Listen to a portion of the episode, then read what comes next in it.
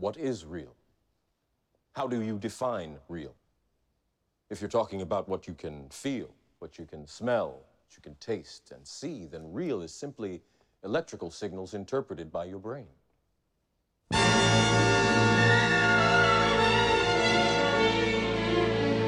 Ska vi säga hej och välkomna då till ett nytt avsnitt av eran favoritpodd Fulkultur. Mm. Alltså er i rummet. ja. Mm. Kul. Förhoppningsvis några fler. Det var ett tag sedan vi var samlade alla fyra. Kul. Ja, det, det är verkligen upp till bevis nu när det visar sig att det enda folk verkligen tycker om är Nintendo-avsnitten när jag och Amanda inte Just det. Fick fin Det är det som egentligen ska hända, att Vi vi måste inte med. rappa i käften Vad skrev idag, de? Så skönt när det bara är Lövet och Jakob som pratar om ett riktigt intressant ämne. Inte de där andra pladdertackorna är Jag med. älskar de här, jag älskar de här äh, lyssnarbreven vi får. Som är väldigt positiva men det enda det är liksom det är en komplimang till er. Men det jag läser det bara som en, en, en Ett slag i ansiktet mot er. Exakt. Fast insändaren skriver, jag gillar ju såklart alla. Alla. Ja. Ja. Men inte lika mycket. Nej, precis. Nej, Jag tror det kanske hamnar, handlar mer om ämnet. Ja, jag tror också det. det är som när mamma som pratar om min syrra liksom framför mig och brorsan. Ja. Att Ni är också så- fina. Ja, just det. Ni är också, ni är också bra. uppenbart vem som är favoritungen. Det jag tycker är kul med mina systrar, jag har ju fyra systrar, jag brukar alltid liksom spela ut dem mot varandra genom att tilltala någon som du är ju min favorit. Jag brukar alltid säga till min moster att hon är min favoritmoster. Ja, Hon är Har också min bara en? enda moster. Ja. ja. Då är det lätt att säga det. ja det kan man kosta på sig. uh, jaha, vad har hänt sen sist då? Lövet, hur mår du och vad har du gjort? Jag mår jättebra. Kul att höra. Och eh, ja, som eh, de som lyssnar på förra avsnittet säkert kan gissa, så har jag spelat Zelda Tears of the Kingdom. Hur går det? Eh, Det går jättebra. Har du kommit långt? Hur många Eh. shrines har du gjort? Hur många chests har du öppnat? Hur många Eh, hobgoblins jag har inte har räknat dödat? shrinesen, men det borde vara ett gäng. Och jag är på väg att ta mig igenom mitt andra tempel. Oj, du ligger långt, långt, långt före mig. Jaså? Mm. Är du på ditt första tempel? Nej, inte ens kommit till första. Jag ligger så, alltså, fast jag gick en lång omväg. Såklart, men ja, okej, vad kul. Så du löper från steg. Men det känns som att du har plöjt ner mer tid än mig också i det här. Mm, jo, det har jag nog. Och eh, jag får säga att um, de första fem timmarna i uh, Breath of the Wild var nog bättre. Uh, för där, där kommer man mer in i, i smeten och får tillgång till ability som man behöver för att hela upplevelsen verkligen ska öppna upp sig. Men när man väl kommer till den storypunkten, när man eh, li, lite mer av spelvärlden öppnas upp för en, jäklar vad bra det blir. Och liksom tekniskt är det ju sjukt imponerande hur de kan få, liksom det, det ser ju ganska bra ut. Men det rullar ju jättebra. Eh, jag, jag ser ju slowdowns lite då och då, men det är inte jättevanligt. Och liksom den skalan, när, man hoppar från högt upp i himlen och liksom bara s- svävar he, hela vägen ner till marken och det är helt sömlöst. Och sen långt ner under jorden. Oh, Ja. det också. Hela vägen. Mm. Ja, det är otroligt eh, tekniskt imponerande. Mm. Eh, och vi pratade ju om eh, vad som är framtiden för Nintendo. Gjorde och så vi. pratade vi lite om hårdvaran sådär, väl nästa Switch. Så sa jag, ja jag ser inte riktigt vad eh, Nvidia har i pipen. Eh, så det kanske blir AMD eller något annat som eh, för nästa Switch. Sen läste jag nu i dagarna att eh, Nvidia ska göra grafikkretsar åt eh, telefontillverkare igen. Mhm. Jaha. Och det kan ju innebära att de faktiskt har någonting i pipen. Eh, även för en eh, Next Gen eh, Switch. Ja, just det. Skulle kunna Så vara. du vill ta tillbaka det du sa i förra Ja, jag vill- det vill jag faktiskt göra. att- Ny information Ja. gör att jag måste ta tillbaka detta uttalande. Så glöm allt ni hörde i det avsnittet. precis. Det kommer en ny, bekräftat här då, det kommer en ny biffigare Nintendo Switch. Det kommer en ny Switch. Ja. Ja, det kan jag nästan säkert. Det kan du nästan lova. Ja, Mm. ja. Hur Ni får många, skylla på mig om ni inte gör det. hur många ska du köpa av den? Blir det en eller tre eller? Nej, det får nog bli färre den här gången. Jag har, jag har ändå tre Switch, Switchar nu. Och jag har haft fyra. Eh, det känns lite, det är lite okej. Lite många? Ja. Mm. Mm. Men du skulle aldrig kunna tänka dig att sälja några av switcharna? För att få en ny switch? Nej, Nej, nej. Nej. Du behöver alla. de, de det. menar Mm. bebisar. Ja, jag gillar inte mer Men om du hade fyra barn, skulle du inte kunna tänka dig att sälja? Sälja ett barn. Kom Det, igen. det minst lyckade barnet, det är det bara sälja av. Men är det då att det är olika liksom, färger? Eller varför har, varför har du haft fyra? Eh, En är ju min OG Switch Ja. eh, från 2017. Ja. En är en Switch eh, Lite Mm. Eh, och den, ehm, den är ju mer bärbar. Eh, så det, jag vill inte sälja av den om, jag vill ja, ha med mig en switch i fickan, vilket Nej, nej. inte de vanliga switcharna riktigt passar. Och sen har jag en switch OLED såklart. såklart. Ja, ja, ja. Mm. Och den fjärde? Ja men det var ju, jag, jag, jag, jag lyckades beställa två eh, OG-switchar. Jaha, så du har den oöppnad också? Så, så jag sålde en till eh, en, en kollega. Ja. Ja, Jaha, du har köpt fyra men du har, äger bara tre? Jag äger bara tre nu. Ja. Okej, Mm. ja, men då, då, då så. Då har du ju sålt ett barn Mm. ändå. Mm. Ja, Mm. faktiskt. Men eh, jag såg, du la ju upp eh, om eh, Zelda, Tears of the Kingdom, att eh, när man startar upp det så har man kvar sina hästar. Ja, just Men jag spelade ju Breath of the Wild på OG-switchen och jag spelar Tears of the Kingdom på min OLED-switch. Så det har inte jag sett faktiskt. Men har du synkat molndatan då ordentligt? Nej, för för du jag- kanske det- aldrig har startat Breath of the Wild på din nya OLED-switch och då kanske du inte har, Nej. för det måste man göra manuellt där nämligen. Exakt. Så, så då, Nintendo är lite osmidiga så. Ja, men jag gjorde det. Det ska inte Mm, vara det. enkelt. Jag måste bara, ifall Berit lyssnar så betyder OG Original Gangster. Ja, just det, precis. Original bra Gustav. Bra där. ja men ifall, för det var mycket OG och OLED. Jag tänkte ifall Ja. någon tänker att OG står för något annat än. Mm. Original.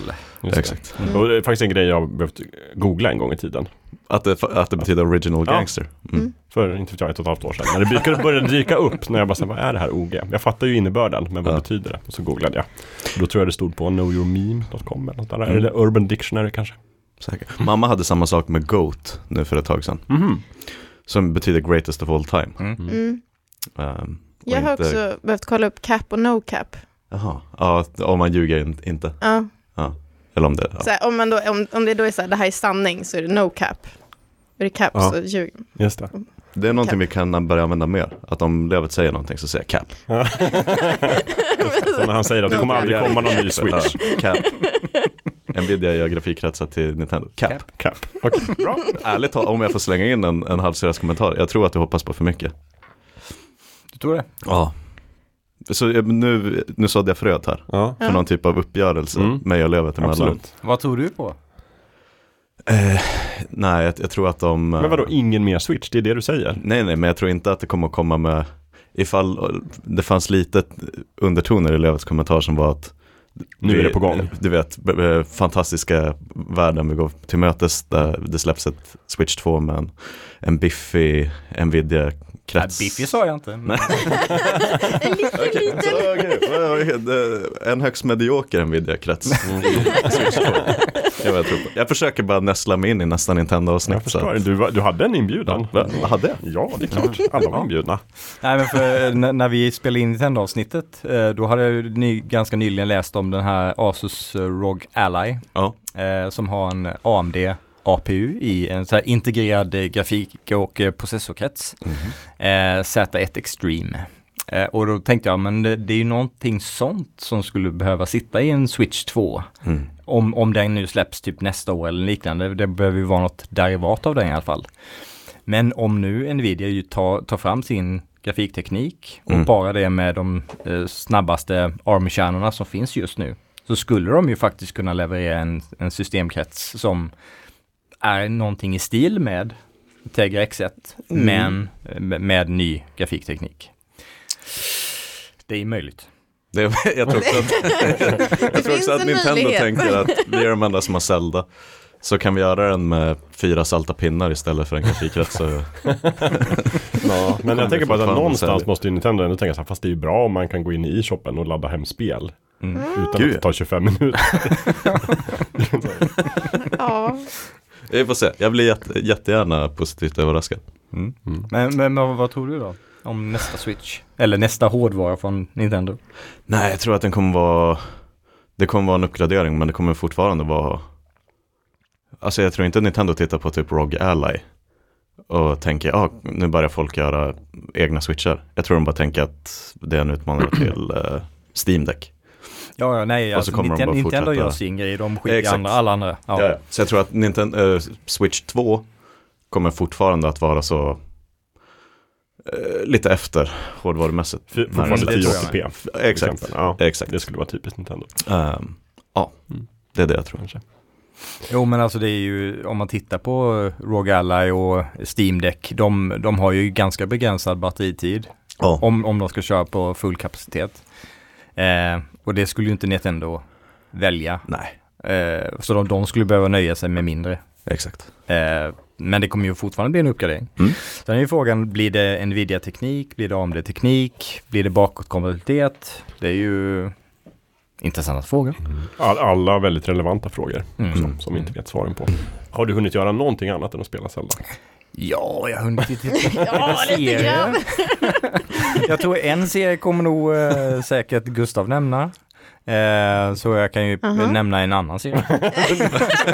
Eller, eller så nämner du den serien så får vi prata om Passa den på nu när du är först ut att nämna allt. Jag gissar att Gustav att har också tänkt prata om The Diplomat. Ja. Jag med. Ja, du också? Mm. Ja, Är okej. det, det, det, jag vi miss, på, jag du. missade PMet om att det var den man ska se. Jag kollade på Silo istället. Ja, du måste vara med i Discogs-kanalen. Jag, jag vet att ni pratat om det, men jag trodde att fler skulle sett Silo. också. Ja, men det, det, det är ju en um, Carrie Russell-serie. Hon går ju från klarhet till klarhet. Mm. Det handlar om hon ska få rollen som en diplomat. Eh, för att vara diplomat i London. För hon Jag ska vara amba ambassadör. Eh, Ambassadör. USAs ambassadör. Mm, mm. Eh, för de, de har ju större planer för henne än så, men de tänker att de ska testa henne genom att låta henne vara ambassadör i London. Mm. Och så händer det ju massa politiska intermezzon där. Eh, som är väldigt välskådespelat, väldigt välskrivet. Eh, eh, snygg produktion eh, Ja. överlag. Eh, och det är det jag tycker är så roligt med att Carrie Russell har eh, gjort så många bra, varit med i så många bra, bra produktioner på senaste. Det är ju som att 90-talsskådisarna, eh, alltså de som, de som var stora på 90-talet, har liksom försvunnit ett tag och kommit nu tillbaks och är med i jättebra serier. Eh, när jag tittar på, jag börjar titta på Yellow Jackets säsong två och Oh. där är också så här 90-talsskådisar som, eh, som har varit lite i, i dvala ganska länge och nu är tillbaks och gör massa bra eh, Mm. content. På tal om Wednesday. Just det. Mm, just det. Christina Mm, Ricci till exempel. är med. Jag har en eh, trivia-fråga till er. Mhm. Vad heter Carrie Russells karaktär i Star Wars? Fan, hon är med Hon är med i Rise of Skywalker. Hon är med i. Rise of Skywalker. Ingen kommer ihåg. Sorry Bliss. Sorry, Bliss. Det kollade jag på Bliss. nätet. just Vad gör hon ens? Nej men hon existerar, hon är bara där. Hon är ju en gammal flamma till typ Oscar Isaacs karaktär va? Mm. Mhm. Poe. Mm. Poe ja, precis. Ja. Damien Poe. Och sen Sen så, jag har den här, eh, det här myntet eh, som låter mig åka med på de här eh, transporterna. Så det har jag jobbat för hela mitt liv. Okej, du får den. Ja, Tack. precis. Hejdå. Förlåt, vänta, min hjärna håller på att gå sönder nu. Jag vet varför hon är med i Rise of Skywalker. För att, eh, fan heter den? Felicity. Ja, Ja. Det är ju en JJ Abrams Ja. grej. Mm. absolut. Så de känner varandra, de går way back. Mm. Sen är inte det enda anledningen till att vara med i Star Wars. Nej, nej, men eh, Oscar Isaac var inte med i Felicity till exempel. Han fick ändå en roll. Det är ändå kriteriet. Ja. det hade ju varit kul ifall han bara scrappade alltihopa Mm. för Rise Skywalker. Bara tog in Felicity. Ja, faktiskt. Men man, man ser ju bara hennes ögon i filmen. Man ser ju aldrig Carrie Russells ansikte. Jo, hon tar av masken sen i slutet. Jag kommer inte ihåg. Jo. Ja. Hur minns ni någonting från den här filmen? Jag har aktivt Ja. glömt bort den. Ja, jag, Jag gjorde ett val. försökt förtränga den men Men det där tyckte jag ändå att... Ja, du kommer ihåg myntet och alltihopa, det minns inte Ja. jag. Ja, nej men jag, jag minns att man, man ser ju när hon, man ser hennes ögon. Men jag minns inte om man ser hela ansiktet. Ja, man kanske bara tar av så man ser ögonen. Hon har kanske en heltäckande mask först, och sen tar hon av så man ser ögonen. Ja, jag Du har får för mig det. rätt, såklart. Ja. Ja. Du kommer säkert ihåg. Just det. Mm. Jag menar, det, då hade han kunnat vara vilken skådespelare som helst. Så det, det kanske är Ja, men det, det är det jag menar. Men ingen har väl det ögon som Felicity, alltså Carrie Russell? Skulle du kunna väldigt- plocka hennes Ja, ögon i en Steve? Buscemi. Ja, för jag visste inte att hon var med förrän hon tog av masken och visade ögonen. Då sa jag direkt Felicity, sa jag till mig själv. Och till alla andra i salongen. Jag ställde mig upp, jag pekade på... Alla spoilers! Ja. Alla bara, sitt ner, tyst. Felicity, Felicity! Det är en crossover.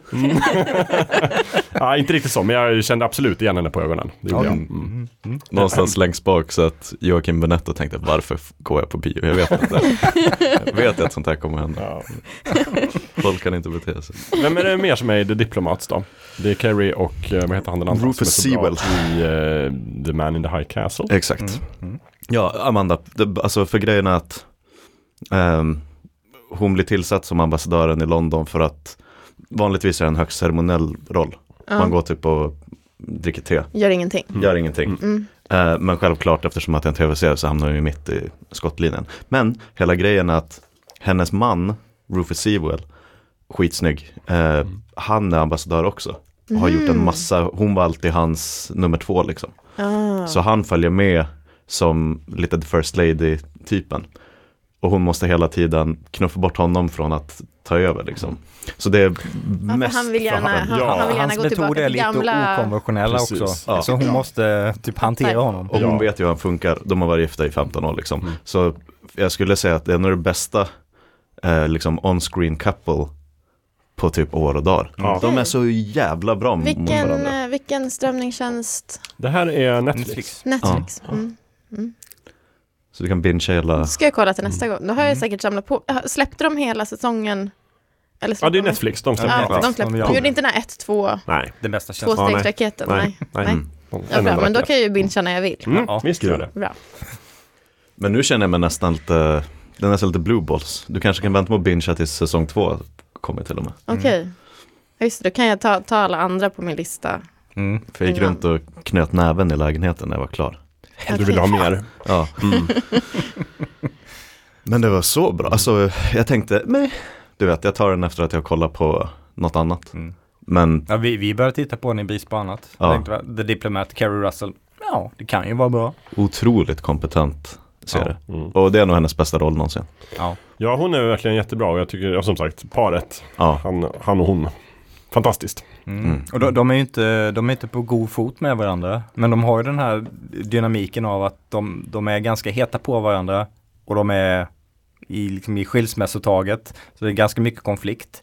Mm. Och de, löser det väldigt bra som i ett, ett, ett, ett riktigt eh, Men är det lite förhållande. eh, Mr och Mrs Smith-vibbar? Mm. Nej. Ah, Nej. Nej. nej. Nej. Nej. Nej. Jo, det är lika hett, men det är en Ja. helt annan, eh, alltså de kivas ju hela tiden. Ja. Jag skulle säga att avsnitt, speciellt Amanda, märk väl när du kommer till avsnitt tre. Ja. För helt otrolig en timme tv. Men är det någon så här grej avsnitt tre? Det har billiv i För det. var det inte så här, The Last of Us hade också avsnitt tre som Mm. var så otroligt fantastiskt. Succession, det var väl också avsnitt tre nu Det på senaste säsongen? Som var det här jättelånga när de var på en båt. Det blir väl kanske lite så, man har typ åtta avsnitt eller tio avsnitt. Så är det någonstans där. Det är som tre, den, fyra. den första stora, Ja. slutet på första akten. Den dramaturgiska Den kurvan dramaturgiska smäller till. Kurvan visar att här ska något hända. Mm. Det kanske vissa följer. Så kan det nog vara. Eh, ja men då vet alla det, The Diplomats. Mm. Fulkulturtips den här gången. Så Ett tips. eh, lyssnarna inte sett The Diplomats så rekommenderar vi den. Ja. Mm, och du Ja, jag får en ska läxa. kolla. Ja, jag läxa. När kommer säsong två? Framöver. ja, Ja, längre fram. det får ni googla själva. Jag tror inte det är klart än. Vad, hade du något mer? Eh, jag har också tittat på en serie som heter Love and Death. Eh, Ja. Som eh, med Elizabeth Olsen. Är den bra? Den är ganska bra. Eh, det handlar om att eh, hon är en hemmafru som eh, blir lite, tycker lite trist i förhållandet och eh, så är de med i en kyrkogrupp där det är en, en annan, eh, eh, mannen till en, en, en annan eh, kvinnlig kompis i eh, den här kyrkogruppen.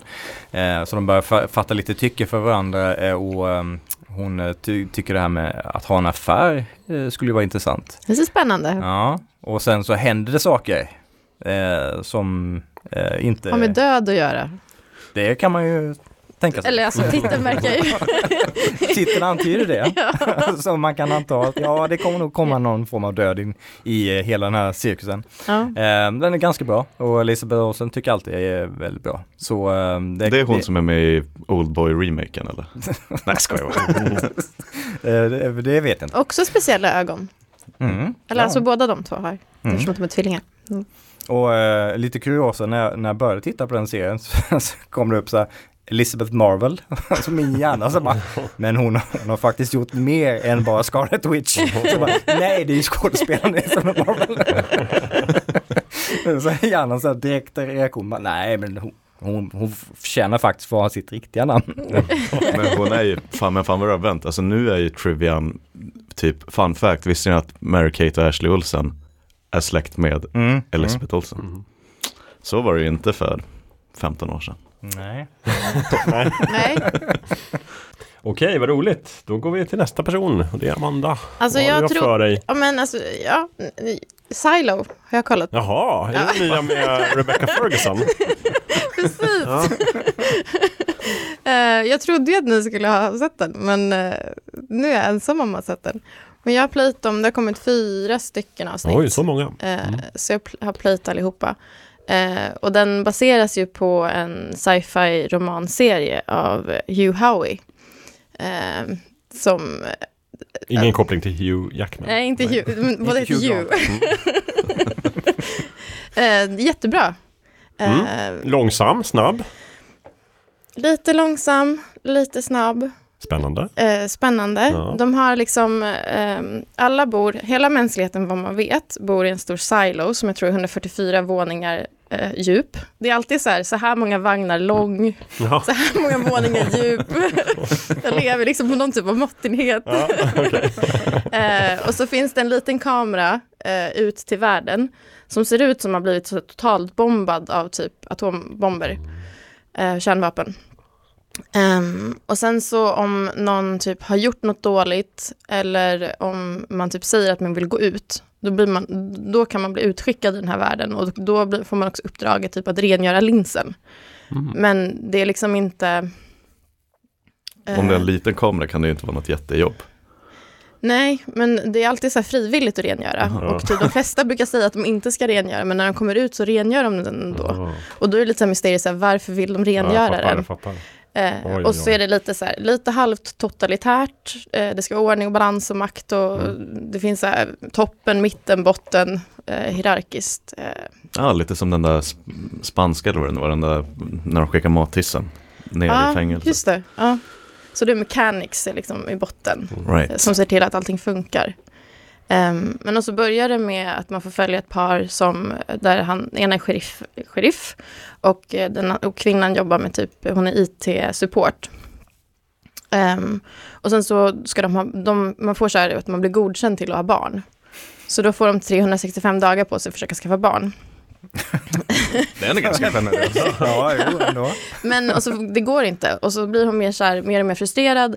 Och så börjar hon ställa massa frågor. Så här, och, där typ någon tant tar undan henne i en gränd och bara, de vill inte att du ska ha barn. Oj.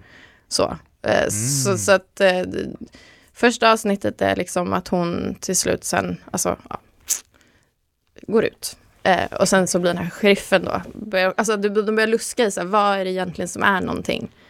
Så. Eh, Mm. och han sheriffen, jag kommer inte ihåg vad han heter, men han var med i, har ni sett Damernas detektivbyrå? Ja. Ja.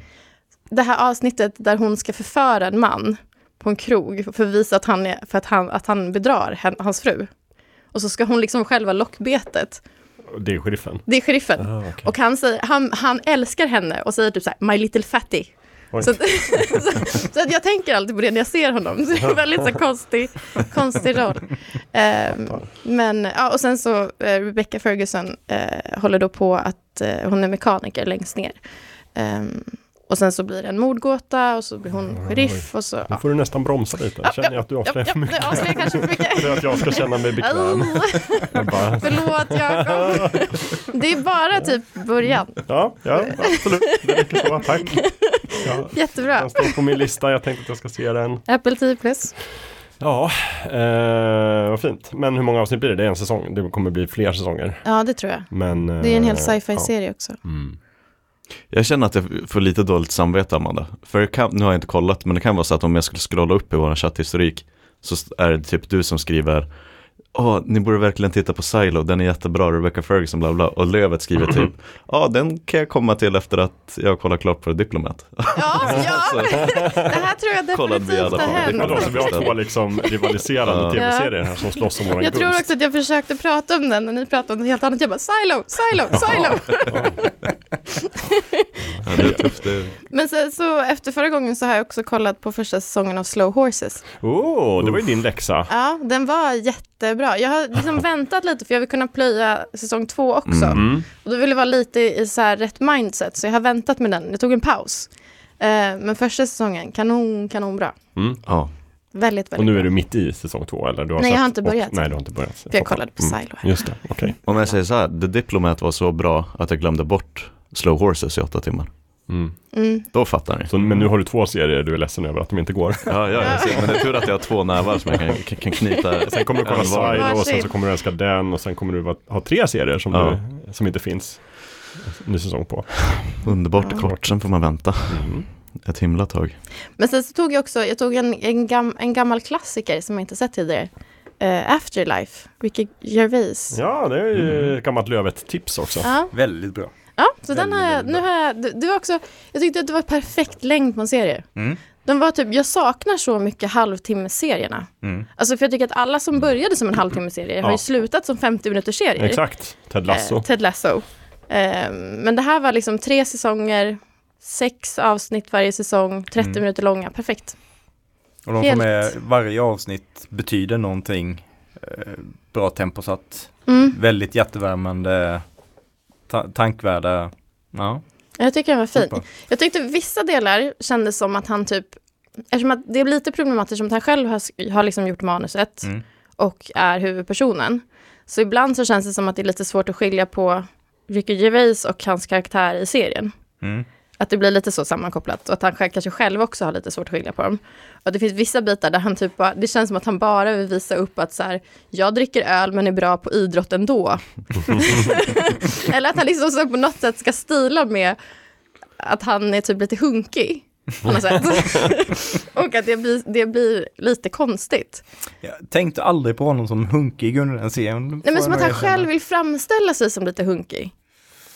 För då är det, någon, det, är, det är någon avsnitt i säsong tre eh, där han ska spela tennis och squash med sin eh, alltså frus bror. Mm. Eh, där han har någon så här avklippt t-shirt. Och så smashar han som i helvete och han bara så här, bara slår brorsan, eller brorsan otroligt. Han har ingen chans. Samtidigt som han dricker öl och kräks. Då kändes det som att han ville liksom, jag vet inte, så här, odla rockstjärnehunkigheten i sig själv. Jag, Då tänker jag, du att det gör ingenting om de tror att Ricky Gervais, det vill säga jag, också är jättebra på tennis. Ja, nej, jag Ja, tror att det är precis det han vill det, liksom ja. så ett frö. Bara jag skriver att den här karaktären Så är bra är på tennis. Lite som när i eh, From Dusk Till Dawn när Quentin Tarantino skrev en roll som skulle suga på Salma Hayeks fötter och så satte han sig själv i den rollen. Är det lite Mm, just, den? Ja, lite så. På, alltså vissa delar, jag tycker att det mesta överlag är jättebra, men, men de sakerna gjorde att det kändes lite så här, ah, fan. Ja, jag, jag tolkar det mer som att han vill göra det här, den här karaktären till jag skiter vilket och jag den här karaktären kan, kan göra precis vad som helst men han, han bryr sig bara, han är bara inte engagerad i någonting. Nej, nej. Men, men like, han, han har den kapaciteten man bara orkar inte. vill inte, nej. Nej. Mm. Ja, nej, men den, annars så var den väldigt hjärtvärmande. Mm. Fin. Mm. Var den. Och Derek är båda väldigt, väldigt fina serier. Ja, den har jag inte sett, Derek. Nej. Men sen har jag också sett Guardians of the Galaxy. Åh, Mm, det har jag också. Du också? Jag, jag med. jag med. Du- nej, men- Allihopa. Oj, oj, oj. Allihopa. Vi såg den inte tillsammans. nej, nej, nej, nej. alla var för sig tror jag. Jag såg den i fredags, så sent som. Ja, jag såg den förra fredagen. Mm. Ja, tre fredagar sedan. Jag vann. Såg du det för... Nej, det kan du inte ha gjort. Äh, förra fredagen. Ja, ni såg den samma Nej, men dag. vadå, du. tre fredagar sedan, då hade den väl inte ens gång... Ja, Jo, den, den hade premiär på Den hade onsdagen. premiär typ 5 maj Ja. eller sånt där. Den hade Jag gick på premiär på onsdagen. Kapitol Jag såg Du den. var där väldigt tidigt vet jag, för du Ja. skrev i, Ja. i Slack att den var och jag blev så förvånad för att annars så brukar jag se Marvel-filmerna sist. sist, Mm. när, de Sist alls. när de har varit ute på Disney Plus i ett halvår.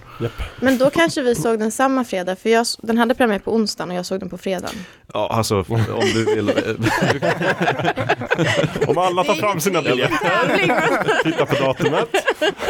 Vad är viktigt här? Att vi såg den samma dag eller att någon såg den först? Äsch.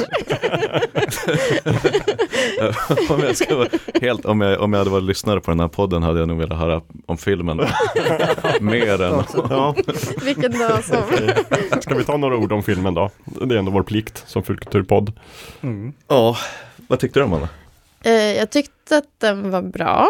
Eh, man, blev ju väl, man blev ju väldigt sugen på att gå med i någon så här djuraktivistgrupp efteråt. Mm. Eller jag blev det i alla fall. Eh, jag tyckte synd om alla de där små Just det, du vill släppa djur. ut Ja. illar och sånt. Ja. Ja. Ja, Jag, jag tyckte den var väldigt bra. Ehm, i, I och med att det är avslutningen på James, James Gunns eh, trilogi eh, så var den ju, det var ju lite mer sentimentalt än det har varit i de andra två filmerna. Eh, och jag gillar nog den an- balansen mellan humor och äventyr Mm. och sentimentalitet i, i framförallt första filmen. Um, andra film tyckte jag också var bra men eh, den här lutar ju lite sig mer mot sentimentalitet. Och vilket är förståeligt för den, den ska ändå avsluta och den ska knyta ihop säcken på karaktär-arcs och liknande. Så det, jag förstår ju varför, varför det måste vara så. Men, eh, men det gjorde ju att jag inte riktigt gillar den lika mycket som första filmen. Men det är en väldigt bra avslutning, Mm. tycker jag. Väl värd att se. Jag hade framförallt typ ett av de bästa biobesöken någonsin. Jag satt bredvid en jätte, jättehärlig kvinna som åtminstone var 50% eh, norsk. Tror jag. Pratade ni om det? Nej, nej, skrev- Varannat ord var norska. Nej, men det var någonting med, för jag satt, jag gick på Kapitol, som sagt. Vet ni vad det är? Ja, vår favoritbio. Eh, så solo och tänkte, ja men Marvel, liksom film på Kapitol. Guardians of the Galaxy tycker jag ändå om. Mm. Eh, och folk sa att den här förtjänar en bättre timing typ. För nu har det gått dåligt för Marvel så Mm. folk kommer att missa typ Mm. att den här faktiskt är väldigt bra. Eh, men jag satt bredvid tre personer och som bara skrattade. Jag tror jag njöt av den mer för att de gjorde den roligare än vad den kanske var. Mm. De, de hade the time of De hade life. the time of their lives och, jag, och det smittade av sig på Ja. mig. Och så sen så gjorde hon någonting som jag var så oförberedd på. Hon gick ut för att köpa en till öl. Ja. För de säger alltid det på Kapitol Ja. att "Ö, restaurangen är öppet till 10 så ifall ni vill. Så det är ingen som gör det. Men hon gick ut och när hon gick förbi mig, Mm. alltså vi har bara känt varandra i en och en halv timme. Frågade om jag vill ha, Och då har ni sett film? exakt, den en och en halv timmen? Ja. då frågade hon om jag vill ha någonting mer. Så hon köpte en öl till mig. Nähä. Är det sant? Och efteråt sa jag, säg vad jag ska swisha för nummer. Och då sa hon, då nekade hon. Ja. Och så gick vi bara ut, gick vi skilda vägar. Ut i livet igen. Så du fick en gratis öl? igen. Ja, Men hade ni pratat någonting innan Nej. filmen? nej. Någonting under filmen? Vi, vi satt och skrattade, du Ja, vet, och Och tittade på bondade varandra. på det sättet. Exakt. Just det, skratt är ju ett universellt språk. Ja, gud. Mm. Men så det första orden hon sa till dig var, ska jag köpa något mer? Ja. ja Som då lät 50% norska. Norskt. Kanske. Ja, Eller var det liksom att hon hade lusekofta alltså. och, och längdskidor med sig? Väldigt liten sample size. Eller var det oljepengar de köpte med? Vad, liksom, vad baserar du nor- norskan på? Vet inte. Nej. Jag tror Det hon pratar stark engelska. Ja. ja, jag vet inte. Du fick en öl i alla fall. Ja. Ja. Och, Så, och skratt. så jag är lite så, ehm, du vet, Det här färgade din upplevelse av filmen? Ja. ja. ehm, så jag kan liksom inte egentligen, jag kan inte ge en, den objektiva fullkulturrecensionen på Guardians of the Galaxy Volym 3. Men 5 av 5 från, Mm. från min sida. Mm. Okej, subjektivt betyg 5 av 5. men sen jag fem. också förbannad, förlåt. så kul att upptäcka att man, tycker, att man tycker mer än vad man visste. Mm. Nej, jag kan ju inte spoila den. Den är för, för Ja, den är för ny. Den är Vi, ska, vi, vi Men, har redan sagt att folk men, Utan att spoila någonting då, men det lövet som att de knyter ihop säcken och liksom så skickar de iväg allihopa och James Gunn går över till DC nu liksom. Eh, det var en av storybeatsen som jag inte, jag höll bara inte med i slutet, Mhm.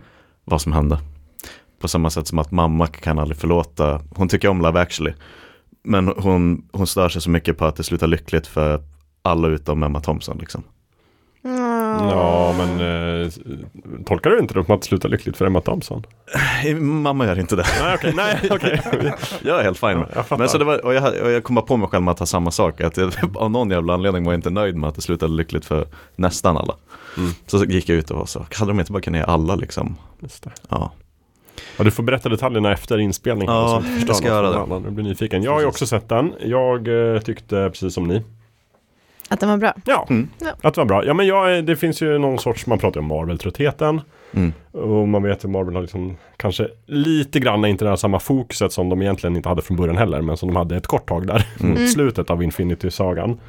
När det kändes som att allt gick åt ett håll. Nu, sen har det varit jättespretigt. Vissa saker har varit bra, andra har varit lite inte mindre bra. Jag har ändå alltid njutit. Den där tyckte jag ändå hade väldigt mycket liksom hjärta.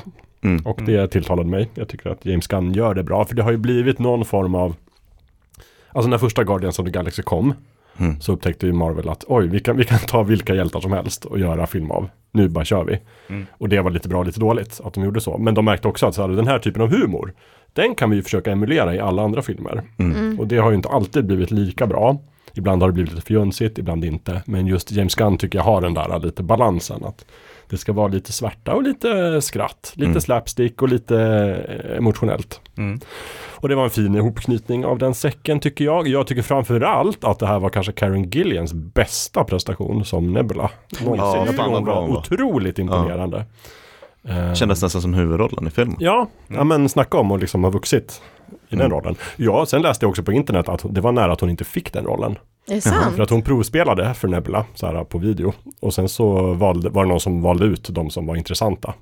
Och, då då var valde de inte henne. Mm. Och sen så var James Gunn inte nöjd med dem han hade sett. Så då bara gick han själv in och kollade igenom alla Bara, "Det här-. Och så bara, är inte det hon från Doctor Who? Hon är ju svinbra, henne ska vi ha. Och så fick hon komma och provspela igen. Ah. Och sen fick hon eh, rollen. Gud vad härligt. Ja. Min favorit var typ var Utten. Uttan. ja, just det. Ja. Ja. Mm. Ja. Precis. Eh, nej, men jag tyckte det var mycket, mycket roligt i den. Jag hade skoj. Men det känns som att det var ju Nebula och Rocket som var huvudpersoner i Mm. Ja. filmen Ja. egentligen. Mm. Jag tyckte att skurken var också bra. Jag tycker också att var ganska bra. Förvånansvärt Mm. bra. Men eh, visst är han skådespelaren som är skurken. Mm. Eh, han är också med i eh, den här, eh, vad heter den med, inte Freedom Fighter. Som också James Gunn gjorde serie av. Eh, Jaha. Suicide Squad. Ja, Ja, och sen tv-serien på den. TV-serien. Eh, Peacemaker. Peacemaker. Han är med i den också. Det är han. Och det är James Gunn. Och det är, Chuck Woody Iwuji. precis. Precis. Så de har säkert börjat preppa. Right. Det väl precis som när JJ Abrams träffade Kerry Russell på inspelningen på Felicity och sen Precis. tänkte på henne när det var dags för Star Wars. Så tänkte James Gunn, det är dags för honom. När det är Mhm. Guardians of the Galaxy time. Exakt. Mm, Yes. Exakt så Exakt. var det. Yes, bra. Eh, har du gjort något mer? Gustav, Ja, som du vill ta upp? Ja, ja, gud ja. Eh, jag såg om eh, The Bodyguard. Det var så fint för jag skrev, ja, tv-serien på Netflix med Richard Madden Mm. i huvudrollen. Eh, BBC från original va? Ja. Och så Mm. avtal med Netflix. Hyper-tight, Mm, eh, verkligen. liksom britt-krim miniserie. Eh, men det var ju så fint när jag skrev, jag såg om, nej just det, Bodyguard, inte The Bodyguard. Ja. Att jag skrev att jag såg om Bodyguard Ja. och du sa odödlig klassiker. ja, och då tänkte jag på filmen såklart med Whitney Houston och Kevin Costner. Vem skulle inte ha tänkt på det? Ja, Ja, Right. jag tänkte också på det. just det. Men skillnaden är alltså The, The Bodyguard är Kevin Costner, Bodyguard är Richard Madden. Mm. Så jag såg, jag såg om den i ett svep, förra helgen blev det väl. Eh, den är så jättebra, verkligen. Men jag tror jag såg den för att jag behöver fylla nu luckan efter, The Diplomat. nej då var det ju Slow Horses. Mm. Sen nu måste jag hitta någonting, jag kanske måste se om Bodyguard för en tredje gång. Vad tror du om att kolla på Silo efter- då? Så, Ja, Eller, eller The Killing. nej jag vet inte varför jag spelar svår, jag ska kolla på den. Eller har, har du börjat kolla på den? The Killing. Ja. Grejen med The Killing var att jag såg, eh, jag somnade till de fyra första avsnitten. Sen gick jag in på Wikipedia, satte telefonen i landscape och så läste jag eh, episod för episod hela vägen fram till säsong fyra. Liksom. Så nu vet jag ex- allt som hände. Och så slipper jag se den. Men vilket trå vad tråkigt. Eller hur? Men eh, vad heter den? Broadchurch då? Ja, ja alltså på tal man om om brittiska krim. brittkrim. Men jag tror inte det, jag vet inte fan. Nej. Ja. Okej. Eh, Ja. Men, eh, nej, men så jag you såg om do den you. i alla fall. Du Ja. får själv hitta något att titta på. Eh, och så sen så, en annan anledning till att jag såg Bodyguard igen, är för att jag är nog den enda av oss fyra just nu som tittar på Citadel. Eller? Ja, jag, har, jag har inte börjat, Nej. men jag ska. Ja, för er som, eh, för de icke-frälsta eller o- icke-invigda.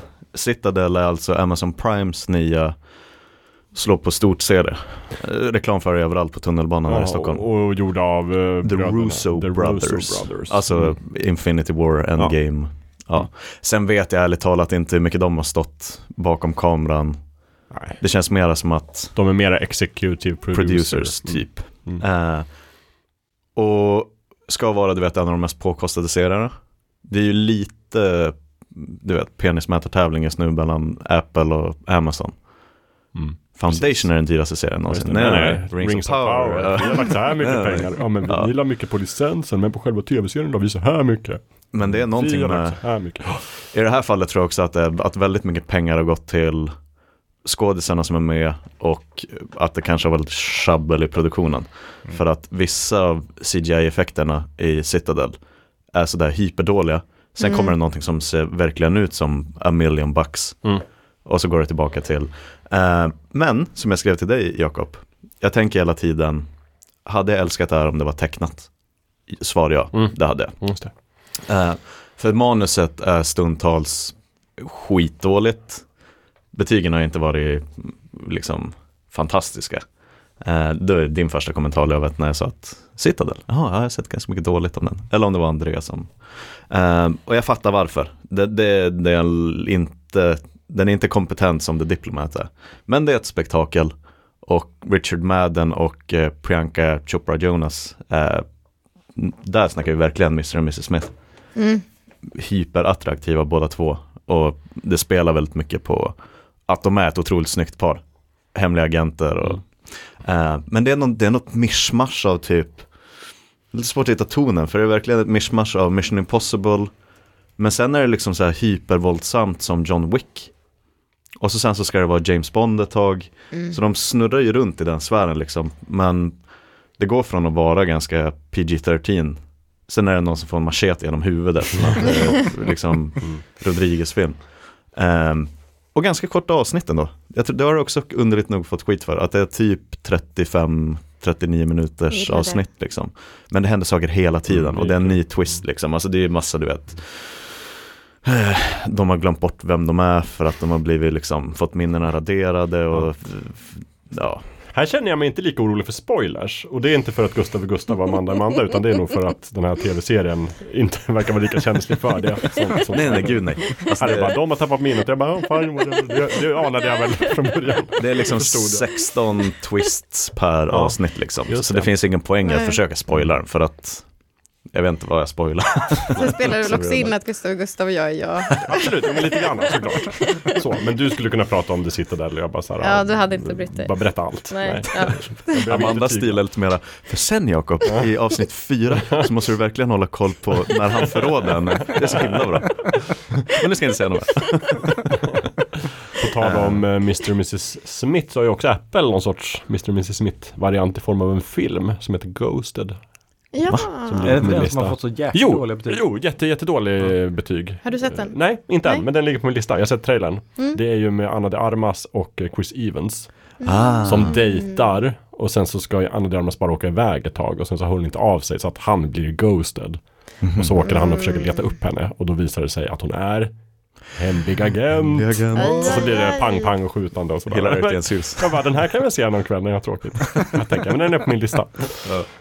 Ehm, och så sen innan, det här, jag kollade på en annan serie på Netflix som heter The Night Agent.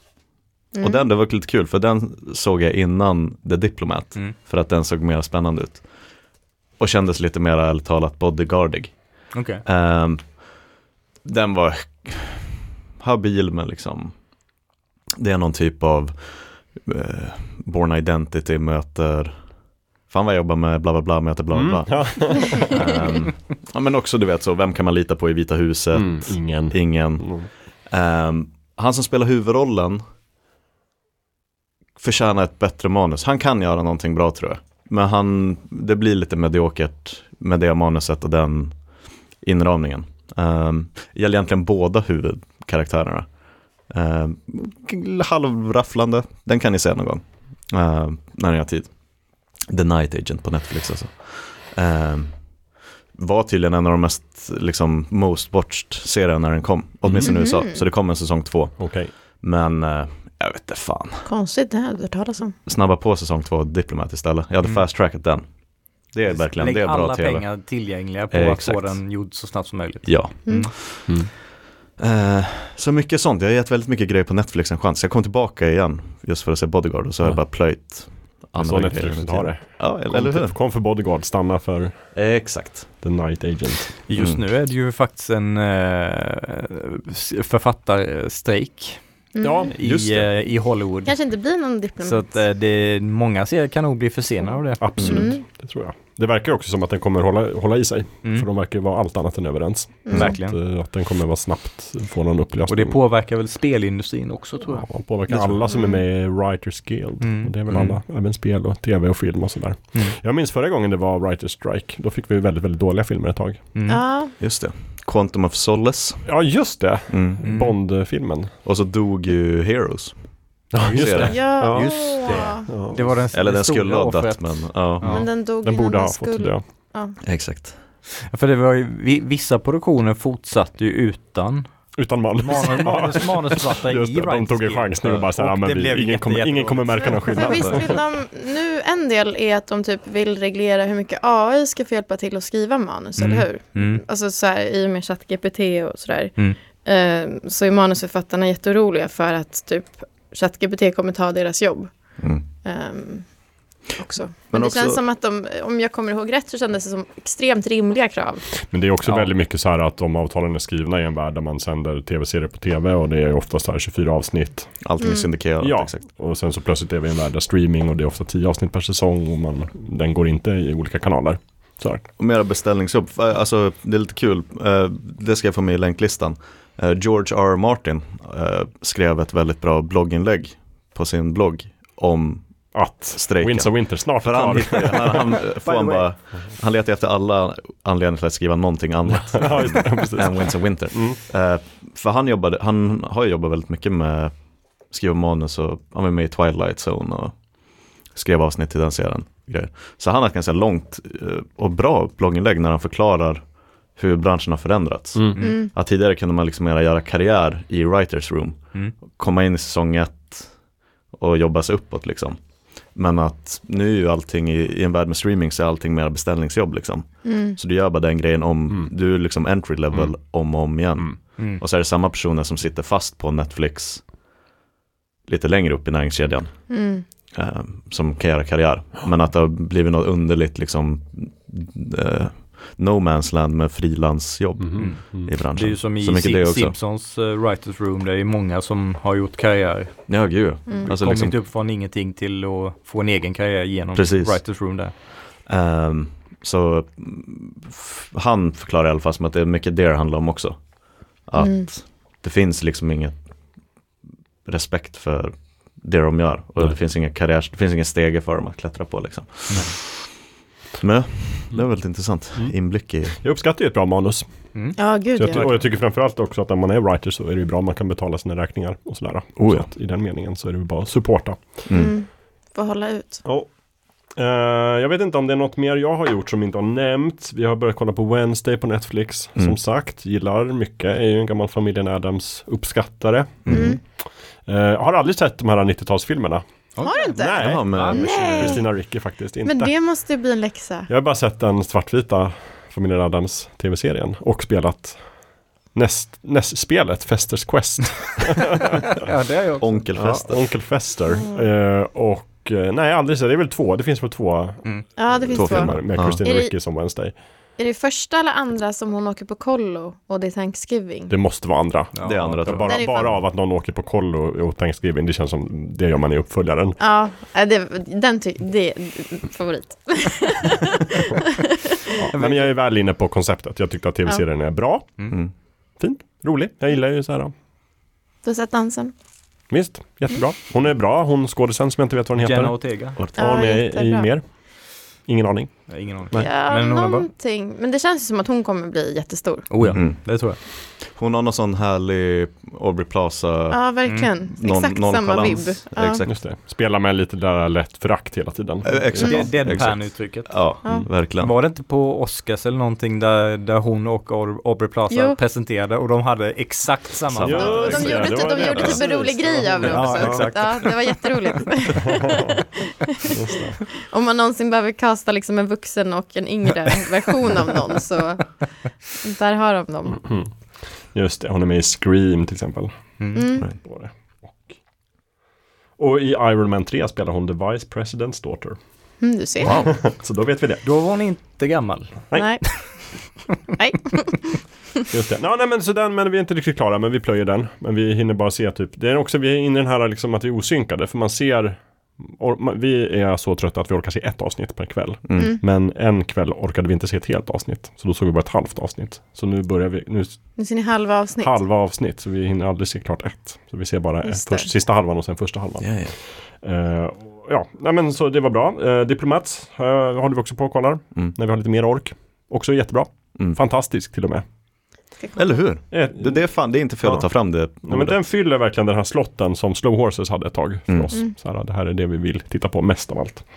Eh, Guardians of the Galaxy har vi nämnt. Och Zelda Tears of the Kingdom har vi nämnt. Jättebra spel! Vi pratade mycket om det, eller vi pratade mycket om Nintendo i förra avsnittet. Mm. Eh, jag sa, tror jag då, att en sak som bekymrade mig med uppföljaren var att i Breath of the Wild, första, så var en stor del av min behållning var att det här utforska en helt ny värld och liksom så här, Mm. lära sig den. Och då tänkte jag så här, men nu är det ju typ samma värld fast en uppföljare. Hur ska de hantera det? Det kommer inte vara lika roligt. Men det var det. Därför att dels har det gått fem år sedan jag var där, så jag har glömt bort allt.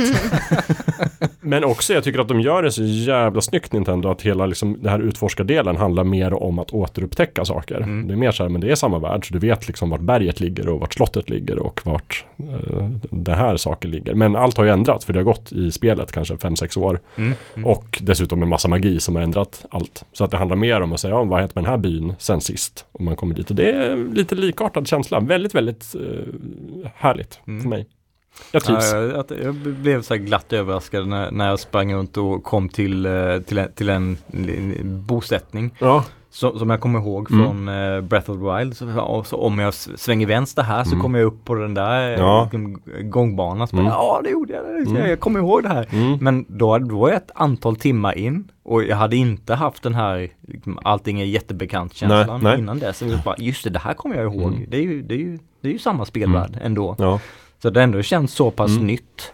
Så att det inte kändes som att jag var i spel, Mm. exakt samma spel. Ja, men jag håller med. Och sen kommer man till ett ställe som man absolut minns. Och sen så bara, oj, men vad har hänt här? Här är det helt annorlunda och här är det, nu har det här hänt. Och, ja, mycket sånt. Eh, kul. Och sen så är det bara det här att det är typ ett Zelda-spel och en lekstuga. Mm. Jag kollar jättemycket på YouTube. Där folk bygger olika eh, krigsfordon, bilar och typ jeepar och flygplan och stora maskiner. Mm. Men jag sa det till, eh, jag var, tog en AV nu tidigare i veckan med våra gamla kollegor Erik och eh, Kalle. Ja, Erik Kalle. Eh, och då sa jag att, att det måste vara så tråkigt att vara, du vet, gammal Rare-anställd. Satt och jobbade på Banjo Kazooie Nuts and Bolts. Mm. Alla tittar på det och så här, bygga bilar, det där är inte... Mm. Men det är tydligen okej när Nintendo gör det. Ja, ja. Det till Zelda. Vad är nytt? Ja, du kan bygga bilar. Wow! 97 på, på Metacritic.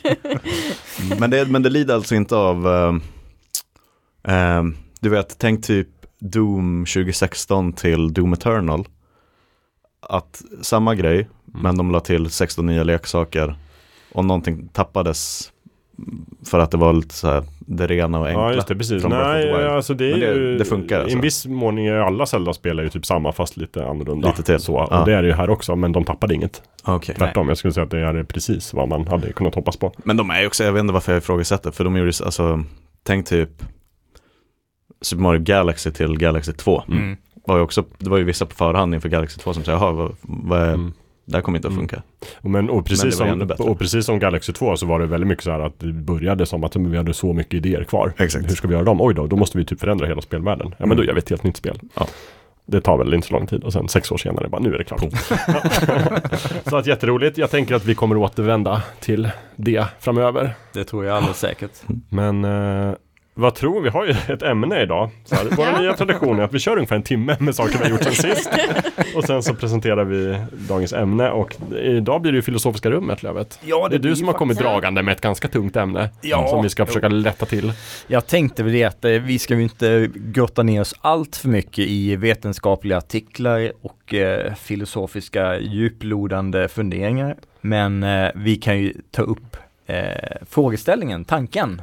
Och sen kan vi ju länka till de här vetenskapliga artiklarna för de lyssnare som, som gärna skulle vilja grotta ner sig i eh, den här filosofin som vi ändå pratar om. Mm. Eh, så att eh, det, det kommer ju finnas på den berömda länklistan Mm. eh, på fulkulturpodden.se. Mm. Men jag har i alla fall förberett, för jag kollar väldigt mycket på YouTube-videor där folk säger ja eller nej till det här. Asså? Varför det är rimligt eller orimligt. Mhm. Så att jag är fullt redo för en filosofisk diskussion om detta. Nej, det är jag inte. Eh, Men jag tänkte att jag kan ju bara gå igenom eh, lite av det som har hänt runt eh, frågan om simulerade verkligheter. Det har ju blivit på ropet de senaste åren, eller de senaste två åren egentligen har det sn- snackats väldigt mycket om det. Men själva frågeställningen är ju mycket äldre än så. Eh, så och det är ju olika fulkulturella figurer som vi är bekanta med som har uttalat sig i, eh, i ämnet. Mm. Eh, Så jag tänkte jag ska gå, bara gå igenom lite snabbt eh, vad som har sagts och skrivits runt det här. Ja. Och så kan vi ju diskutera lite runt det. Mm. Mm. Eh, och eh, konceptet att vi lever i en simulerad verklighet har ju funnits väldigt länge. Eh, för, flera hundra år sedan så diskuteras om, om det här, det vi existerar i, det kanske bara är fram, frammanat av en, en demon som vill kontrollera våra sinnen och eh, liksom det, det är djävulens verk. Eh, Han kastar ett skimmer över våra ögon och det vi ser det är in- egentligen inte det som händer utan de lever på, på eh, våra kroppar i den, den riktiga verkligheten. Eh, men eh, det, det som har börjat diskuteras de senaste åren, det har sin grund i eh, ett, eh, ett eh, vetenskapligt paper av eh, forskaren Nick Bostrom som publicerade i eh, tidskriften Philosophical Quarterly 2003. Mm. Det handlar fram det här med att det, det är mycket som tyder på att vi lever i en simulerad verklighet. Eh, och det här var ju som sagt 2003. Det har inte hänt jättemycket i, eh, som, som för, för allmänheten som, som vi har tagit del av. Eh, men de senaste åren så har forskare som typ Neil deGrasse Tyson uttalat sig om att mm, det, är, det är mycket Det är som- troligtvis så. det kan mycket väl vara så. Eh, och eh, Elon Musk, det var ju inom det senaste året som han eh, kanske inte så. twittrade, tweetade, Mm. eh, som in, innan han köpte upp eh, Twitter, att eh, ja, vi, eh, vi lever förmodligen i en simulerad verklighet. Eh, Sen och- kanske just han inte är så mycket att Nej, just nu, men han, han, han, har ju, han kan ju lite inom tech, sen hans strategiska, mm, det kan man ju ha Mm, ja, sina nej. tankar om. mm. Eh, och och när, när det har blivit mer i ropet så har ju fler forskare eh, och företag börjat titta på det här och tagit fram nya forskningsrön och eh, bara publicerat olika papers eh, där de eh, filosoferar runt det här. Eh, och vissa, eh, vissa menar ju det att eh, Ja, det, det är förmodligen så. Vissa säger att det, det är 50-50 om vi lever i en simulerad verklighet eller inte. Ehm, andra menar att ehm, om, om vi lever i en simulerad verklighet så kan vi omöjligt känna till det eller få reda på det. För att eh, en, en verklighet som körs inom den maskinen, inom citationstecken, maskinen det körs på, kan inte veta någonting om det som finns utanför den maskinen. Så om vi lever i en simulerad verklighet kommer vi aldrig få reda på det. Um, och eh, en artikel från Scientific American eh, diskuterat här, men eh, en simulerad verklighet som vi känner till på våra dator datorsystem, den, den begränsas ju alltid av någonting. Så här, beräkningskraft på processorn eller eh, AI-beräkning, avlastningskretsar och, och de, de definierar vad som är möjligt att utföra i den simulerade verkligheten. Och då menar de att om, om vår verklighet är simulerad så måste den också arbeta efter olika begränsningar. Precis, vad, men vad är definitionen då av simulerad verklighet? Alltså kan det vara, för att antingen så är det ju biologiskt som så att vi, så här, vi ser inte alla färgspektrum, vi ser inte alla dimensioner, alltså det, att det är massa saker som vi inte har tillgång till i världen, Mm. men det är biologiska förklaringar. Eller så är det liksom det här matrix-upplägget, kanske mer, eller att allting skulle vara typ ett datorprogram. Mm. Det, det, är ju det, och det är ju en av de intressanta frågeställningarna och just eh, om vi lever i en simulerad verklighet, vad spelar det för roll om vi är organisk materia eller digitala informationsbitar? Är inte verkligheten lika verklig för det? Ja, Mm. ja, Mm, jo, det är mm, många. Ehm, och ehm, en annan artikel eh, tar de fram den här tanken att i, liksom, om man bara ponerar i en framtid att eh, det finns typ 99 miljarder simulerade eh, organismer för varje miljard organiska organismer. Då är det 99% sannolikhet att just du är simulerad i en sån framtid. Och du har ingen möjlighet att få reda på om det faktiskt är så. Nej. Jag måste sluta vara bakis när vi spelar in. Min hjärna går sönder. Eh, och sen eh, en sista också att det finns uh, forskare som uh, French, Frank Wilczek som menar att han, han, tror inte på att vi lever i en simulerad verklighet. Han menar det att det finns så mycket bortslösad komplexitet i vår värld så att om, om någon civilisation eh, skulle ta fram en simulerad verklighet, då skulle de inte slösa bort så mycket resurser på den meningslösa komplexiteten som finns i eh, universum. Eh, så han menar ju att det pekar på att vi faktiskt inte lever i en simulerad verklighet. Motargumentet är bara att peka på de flesta spelsläppen i år. Varför har ni lagt koden på det här Korkad AI. Just det, så NPCn i Zelda går och säger så här, om det här var en simulering, nu skulle de aldrig göra spelet på det här sättet. Det är, det är också väldigt tydligt att om det är en simulerad verklighet vi lever i så sitter vi inte inuti ett switch just Nej. nu. Nej. Men det hade ju varit fräckt ifall Zelda hade börjat ifrågasätta. Varför snurrar allting på i 25 frames i sekunden liksom? Konstigt. Men det är intressant för att vi kommer ju komma in, dels kommer vi prata lite om den här teorin och sådär och spekulera kring det och skjuta lite från höften Mm, och sådär. Och sen så kommer vi såklart koppla det här till ett fulkulturellt perspektiv och prata om olika filmer och tv-serier och spel och sånt som på olika sätt leker med den här tanken. Det är Mm. väl planen. Ja, lite grann. Ehm, och det, och det, det, det har ju också släppts en svensk kortfilm. Eh, Untitled, Untitled Earth Sim 64 från eh, Film i Dalarna. Eh, och eh, Contentbyrån Spoon eh, som tog fram den och den är från 2021 har jag för mig. Och den fick vi läxa och titta på. Ja, Mm. Ja, Jag gjorde inte läxan. nej. Jag gjorde läxan idag. Nej, igår. Igår. Jag klickar lite runt igen. du Det är dissar bara Dalarna Jakob alltså. som har gjort Ja, ja. läxan, jag fattar. Men jag har gjort den väldigt bra. Mm.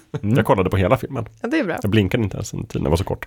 Satt upp ögonen Mm. så. Det var en kort läxa. Mm. Det Det, var en ingen investering, det var så här sex minuter av mitt liv. Kan jag nej, lägga på läxa. skä- skämmes på oss då. Amanda, Amanda bara absolut inte. Jag ska kolla på Silo istället. Spoila allt. Mm. Det kommer alla andra titta på, men det gjorde jag inte. Nej, men, och det är den kortfilmen, det är den, precis som titeln antyder så går den bara ut på att eh, det är en, fokuserar på en, en tjej som he, börjar upptäcka att det, det är saker i, i verkligheten som håller på att glitcha. Någonting är inte rätt här och personerna runt omkring henne, de, de, de är inte med på det, de, de fattar inte att det glitchar. Eh, så börjar hon höra en, en, en, en så här, Eh, högtalarröst som, som säger, så PA-röst som säger, ja men eh, antyder liksom att, ja men eh, eh, är du inte nöjd med eh, hur, hur, det, hur det funkar? Eh, liksom, upplever du att någonting inte är som det ska? Och, och sen så råkar den här rösten försäga sig, liksom, ja men det, ja men det är ju så här, vänta lite nu. Untitled Earth 64, ah jäklar det, det, det är fel liksom så här. så får man ju undan för undan få reda på, ja men det, det här är bara en, en av väldigt många simuleringar som det här företaget kör. Mm. Och så, så den här berättarrösten, ja men det, det, det är ingen fara, det, vi, vi, kör, vi körs också in uh, simulering. och de, de, som kör, de som har gjort vår simulering, de lever förmodligen också i en simulering. Mm. Så det är verkligen så här nästlat eh, simulering. Och när, när jag tittade på den så fick jag tank- idén till det här avsnittet att eh, det är ändå ett intressant koncept som har tagit upp i Fylkturen. det är lite som eh, Stranger than fiction. Har ni sett den? Ja, Ja, med han Will. Will, F- eh, Will Ferrell. Ferrell. ja, precis. Mm. Där han helt plötsligt börjar höra en, som en, eh, också en berättarröst för att då att han är liksom med i en bok. Mm. Och att det är så här hur många gånger han typ borstar tänderna Mm. och så här. han bara, vänta, vem sa det? Så, att, att liksom som att eh, fjärde väggen bryts fast på ett Mm. annat sätt.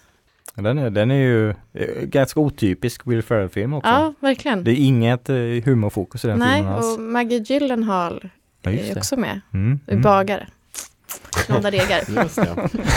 Och Emma Thompson, är det inte hon som är Jo, jo. författaren också? Jo, precis. Mm. Eh, och sen så är, vem är det som är, för det är någon, han hör ju av sig till någon litteraturprofessor. Mm. Eh, Just det, vem var det? det är inte Sean Penn, men det var någon rätt känd. Det var så länge sedan jag så såg den. Jag Ja, det, ja, men, ja, nej precis. Vi kollar vem det är. Ja. Mm. Mm. Ja, Dustin Hoffman Dustin är det. Hoffman Och är så det. Jules Hilbert. Just det. Och så Emma Thompson och Maggie och Will, som sagt. Mm. Kul. Mm. Eh, men liksom, om, man, om man ska liksom sammanfatta tre, tre huvudspår i de, eh, eller så här, hu, tre huvudsakliga intressanta eh, kärnfrågor i, i de här artiklarna och filosofierna eh, som, som, som vi har läst igenom. Eh, jag skulle säga att dels är så här, är vår existens och medvetande mindre verklig för att den existerar i en virtuell verklighet? Eh, och, de, och angående de här tankarna om bortslösa komplexitet eh, i, i The Matrix eh, pratade de om att de, de gjorde en, en tidigare version av The Matrix där, där allting var en utopi, allting var perfekt, det fanns inga problem, alla mådde jättebra. Men de var tvungna att lägga ner det för att eh, människorna köpte inte det. Mm. De, Mm. de, de kände på sig att någonting är fel med det här. Eh, så att, eh, och det, det är ju också den här tanken om bortslösa komplexitet, att eh, eh, det kanske måste finnas den här eh, bortslösade komplexiteten för att någonting som är optimerat och eh, eh, felfritt, det skulle kanske inte riktigt köpas av det mänskliga sinnet. Om vi, om vi nu existerar i en annan verklighet där det inte är så. Mm. Skulle våra hjärnor köpa det om, om vi hade placerats i den här simulerade verkligheten? Det känns ju så osannolikt. Ja, det gör Att det. allting skulle vara perfekt, alltså att allting skulle vara liksom optimerat. Mm. Känns väldigt norrländskt också. Den tanken, nu är det lite för bra. Mm. det är någonting Nu är som fel. Måste vara Här är någon. något jävelskap på gång. Jag tror fan det är en simulering. Ja. Bra för att vara. Mm. Men det förutsätter ju också att eh, man existerar i en organisk version någonstans. Ja, För, precis. för om vi alla är simulerade varelser, då vet vi ingenting annat än den här verkligheten. Eller den här existensen. Precis. Men det blir väl också lite som eh, i, om man har tagit sig igenom eh, Westworld Mm. och kollat liksom de senare säsongerna också. Då är det väl att de pratar också om att här, man måste gå ifrån den fysiska kroppen och så har de ju liksom servrar med, där Mm. kan, kan de egentligen vara och där, det är det bästa stället att vara på på något sätt. Och att det blir som så himmelriket eh, nästan. Mm. Och att det blir den där så här, är det värt att finnas i den fysiska världen? Eller vill man bara vara i den digitala egentligen? Men det måste ju alltid finnas, det är som att det blir som en tanke, det känns som att det måste alltid finnas någonting fysiskt för att någonting ska finnas digitalt. Ja, det behöver finnas någonting fysiskt i början. Ja, I Nå- någonstans. Någonstans ska det finnas någonting som skapar det virtuella. ja, annars så är det ju fysiskt. Ja, Eller liksom, ja. Och, och det, det organiska måste hållas vid liv på något sätt. ja. för att det virtuella ska kunna eh, fortlöpa. Men om, om, om man bara har fixat de systemen så att de organiska kropparna kan, kan leva. Eh, om, de, om de lever hela sina liv i den virtuella existens, simulerade existensen, är det, är det mindre verkligt för, alltså i, i, våra, våra hjärnor, det är ju sy- synapser som skjuter fram och tillbaks och, och eh, förklarar för oss vad vi, vad vi upplever ja. om vi lever he ett helt liv i den virtuella verkligheten så har vi ändå levt ett liv. ja. Men eh, Nick, alltså Nick Boström, Mm. Som jag brukar kalla honom Nick. Eh, Gamle Nick. Gamle Nick, han är också, det är också han som, som eh, pratar mycket om att AI kan hota hela vår existens. Mm, Och så vidare. mm. Han är en väldigt spännande filosof. Mm. Eh, han är från Sverige men jobbar på Oxford University. Mm. Eh, jag kollade på YouTube-filmerna om honom så för det han säger ju är ju att om det är så komplext den simuleringen så är ju det i princip då är det ju ett liv, alltså då måste vi betrakta de simuleringarna som levande Mm. också. För att det, är, det går inte att liksom se skillnaden. Men han säger ju inte, om jag har förstått honom rätt så säger han ju inte definitivt att vi lever i en simulering. Han säger ju bara att antingen så är det nästan ingen civilisation som blir så avancerad att de kan göra simuleringar. Mm. Eller så är det nästan ingen civilisation som är så avancerad som vill göra simuleringar.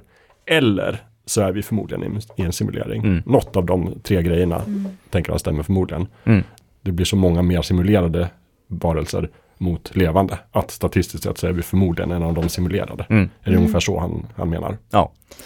Och det är ju, det är, det är inte bara han, det är ju det är andra som det är ju som det här jag pratade om där med 99 miljarder eh, simulerade varelser för Mm, varje miljard Ja. eh, eh, verkliga. Det, det är ju, det är andra forskare som är också inne på samma spår att eh, om, om, antingen så är det in, inget simulerat eh, verklighet eller så är det väldigt, väldigt många och vi kan inte veta om vi lever igen eller inte. Så det är lite en så här grej som filosoferna pratar om på puben på Ja. kvällen. Ja, det här måste ju vara, det här måste ju vara liksom var, varje filosofs typ våta dröm. För det går inte att hitta något svar. Alltså, Nej. det Nej. går, Men jag tänker mig att den här frågan alltid dyker upp när de har AV. Liksom. Också. Nick Boström sitter vid sitt vanliga bord, hans kollegor kommer in och så bara "Åh, äntligen fredag. Så ska vi bara, vad tror ni om de här med simulerade? Ja det gamle Nick, nu har jag en ny idé här. Vad tror du om det här? Jag Bara, Nej, det kan du inte bevisa. För att jag tänker att det, alltså på ett sätt, eh, förut, eh, för jätte, jättelänge sedan när man inte ens gång visste att det fanns simuleringar på det sättet för att typ, datorer inte fanns. Mm. Eh, då var det alltid som att så här, alla, alla liksom logiska luckor fyllde man igen med Gud. Mm. Och så här, men Gud ser allt. Så här. Man, det, här, det här resonemanget går inte riktigt ihop. Ah, Gud. eh, och att det finns någonting som är lika oklart i alltså vår verklighet. Mm. Eller om det är simulerat eller inte. Ehm, att det blir så blir liksom som ett hjärnkluster som inte går att reda ut. För, det, för att det finns den här paradoxen om att här, vi kommer omöjligt kunna veta om att vi är en simulering om Mm. vi är det. Så då är det helt omöjligt att på något sätt luska ut om vi är det eller inte. Mm. Och där blir liksom ständigt på- pågående huvudbryet. Mm. Och det är ju som eh, vetenskapen kan ju inte utröna vad, vad fanns innan Big Bang. Eh, vi kan ju inte se så långt tillbaka så vi kan inte se bortom vad som hände innan Big Bang.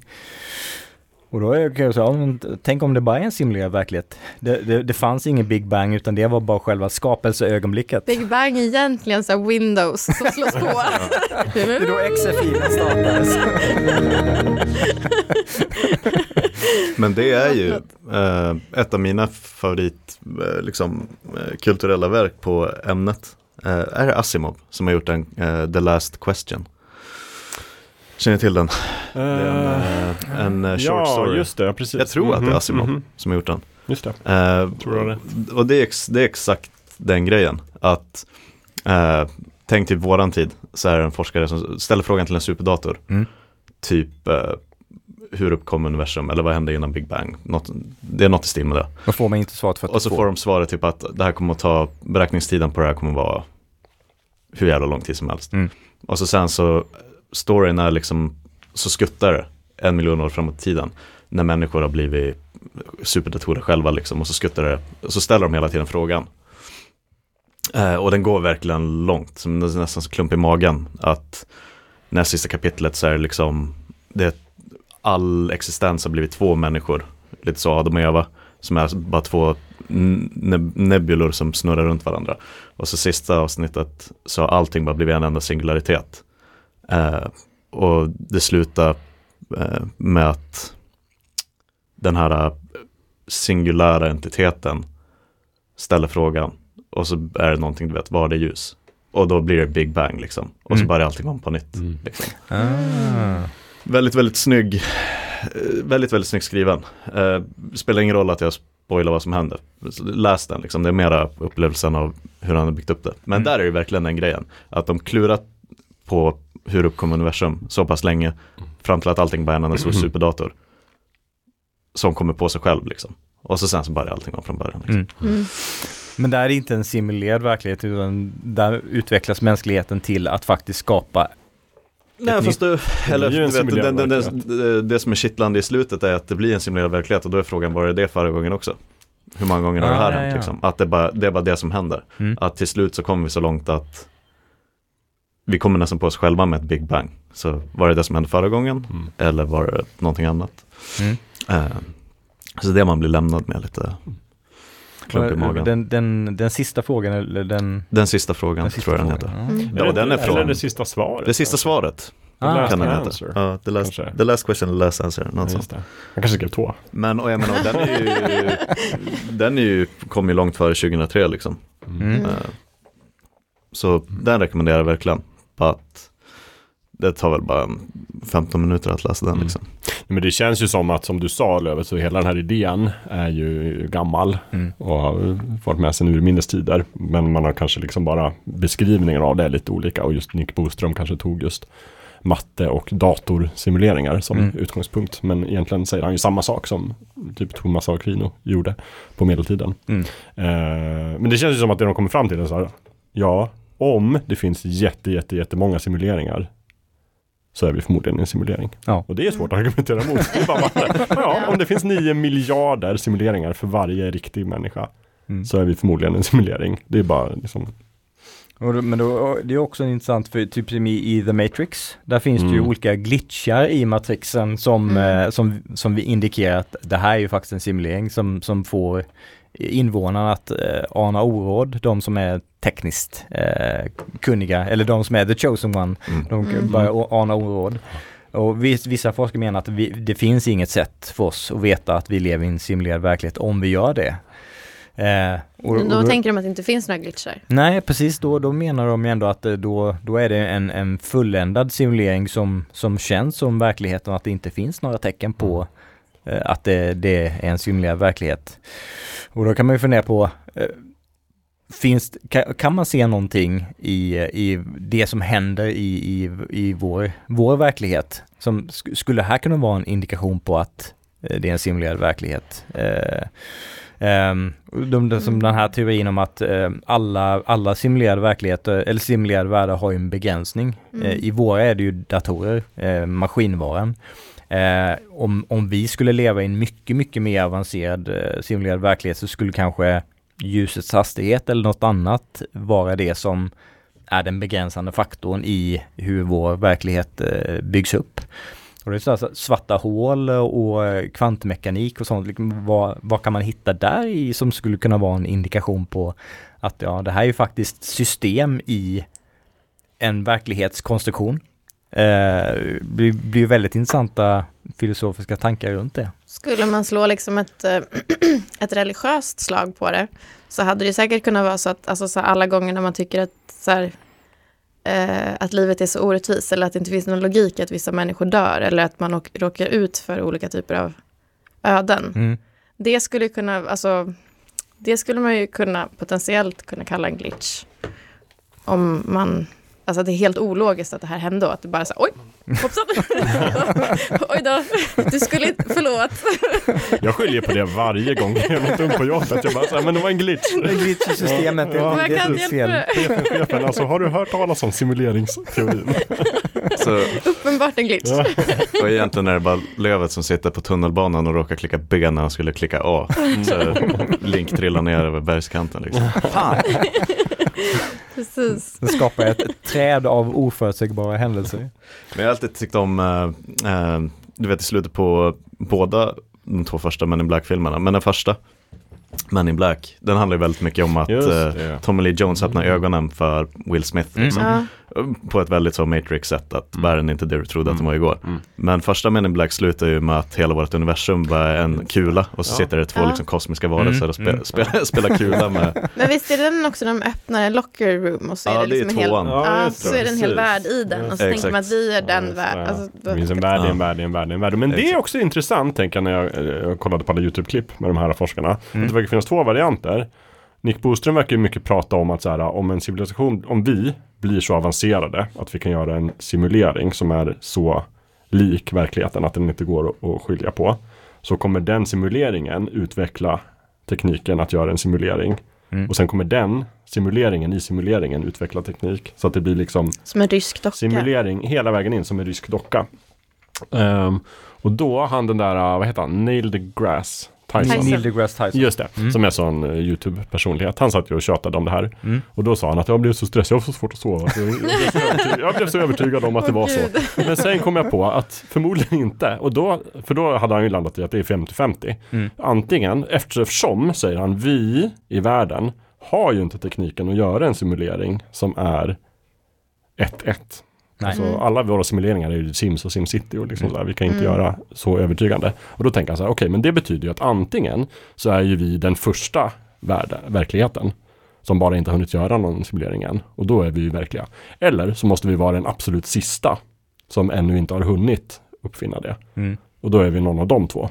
Och då är det 50-50 och det tycker jag det känns okej. Men där tänker jag han tänker fel. Alltså? Ja, men borde man inte kunna vara den senaste, inte den sista? Jo, ja men den senaste. Ja, Men det förutsätter ju i så fall att, all, att de bara gör en simulering. ja. Som sen får utveckla en simuleringsteknik. Som sen får utveckla en simuleringsteknik och en till och en till. Medan jag tänker så här, om man var en civilisation som kunde göra en simulering. Då gör man väl en miljon simuleringar. Mm.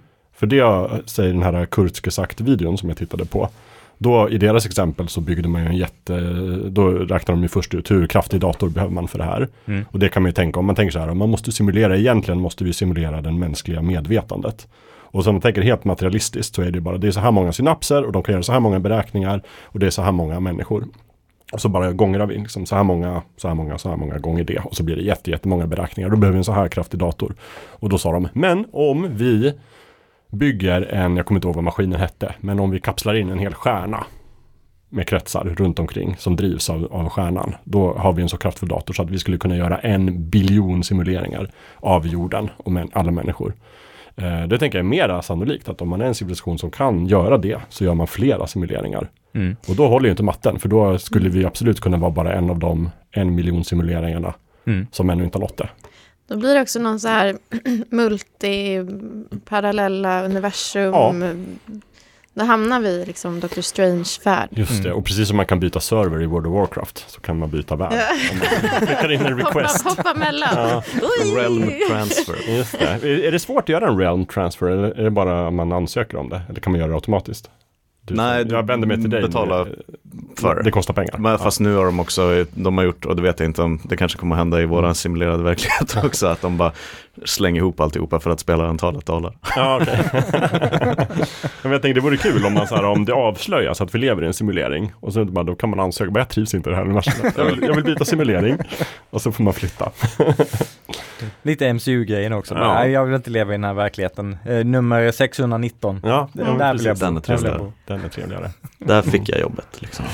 Men jag tycker det är knepigt, för jag har mycket mer, alltså själv, så har jag mycket mer funderat på den där, alltså som jag pratar om definitionen. Mm. Alltså den biologiska biten av att inte se eller veta hela världen och hela verkligheten.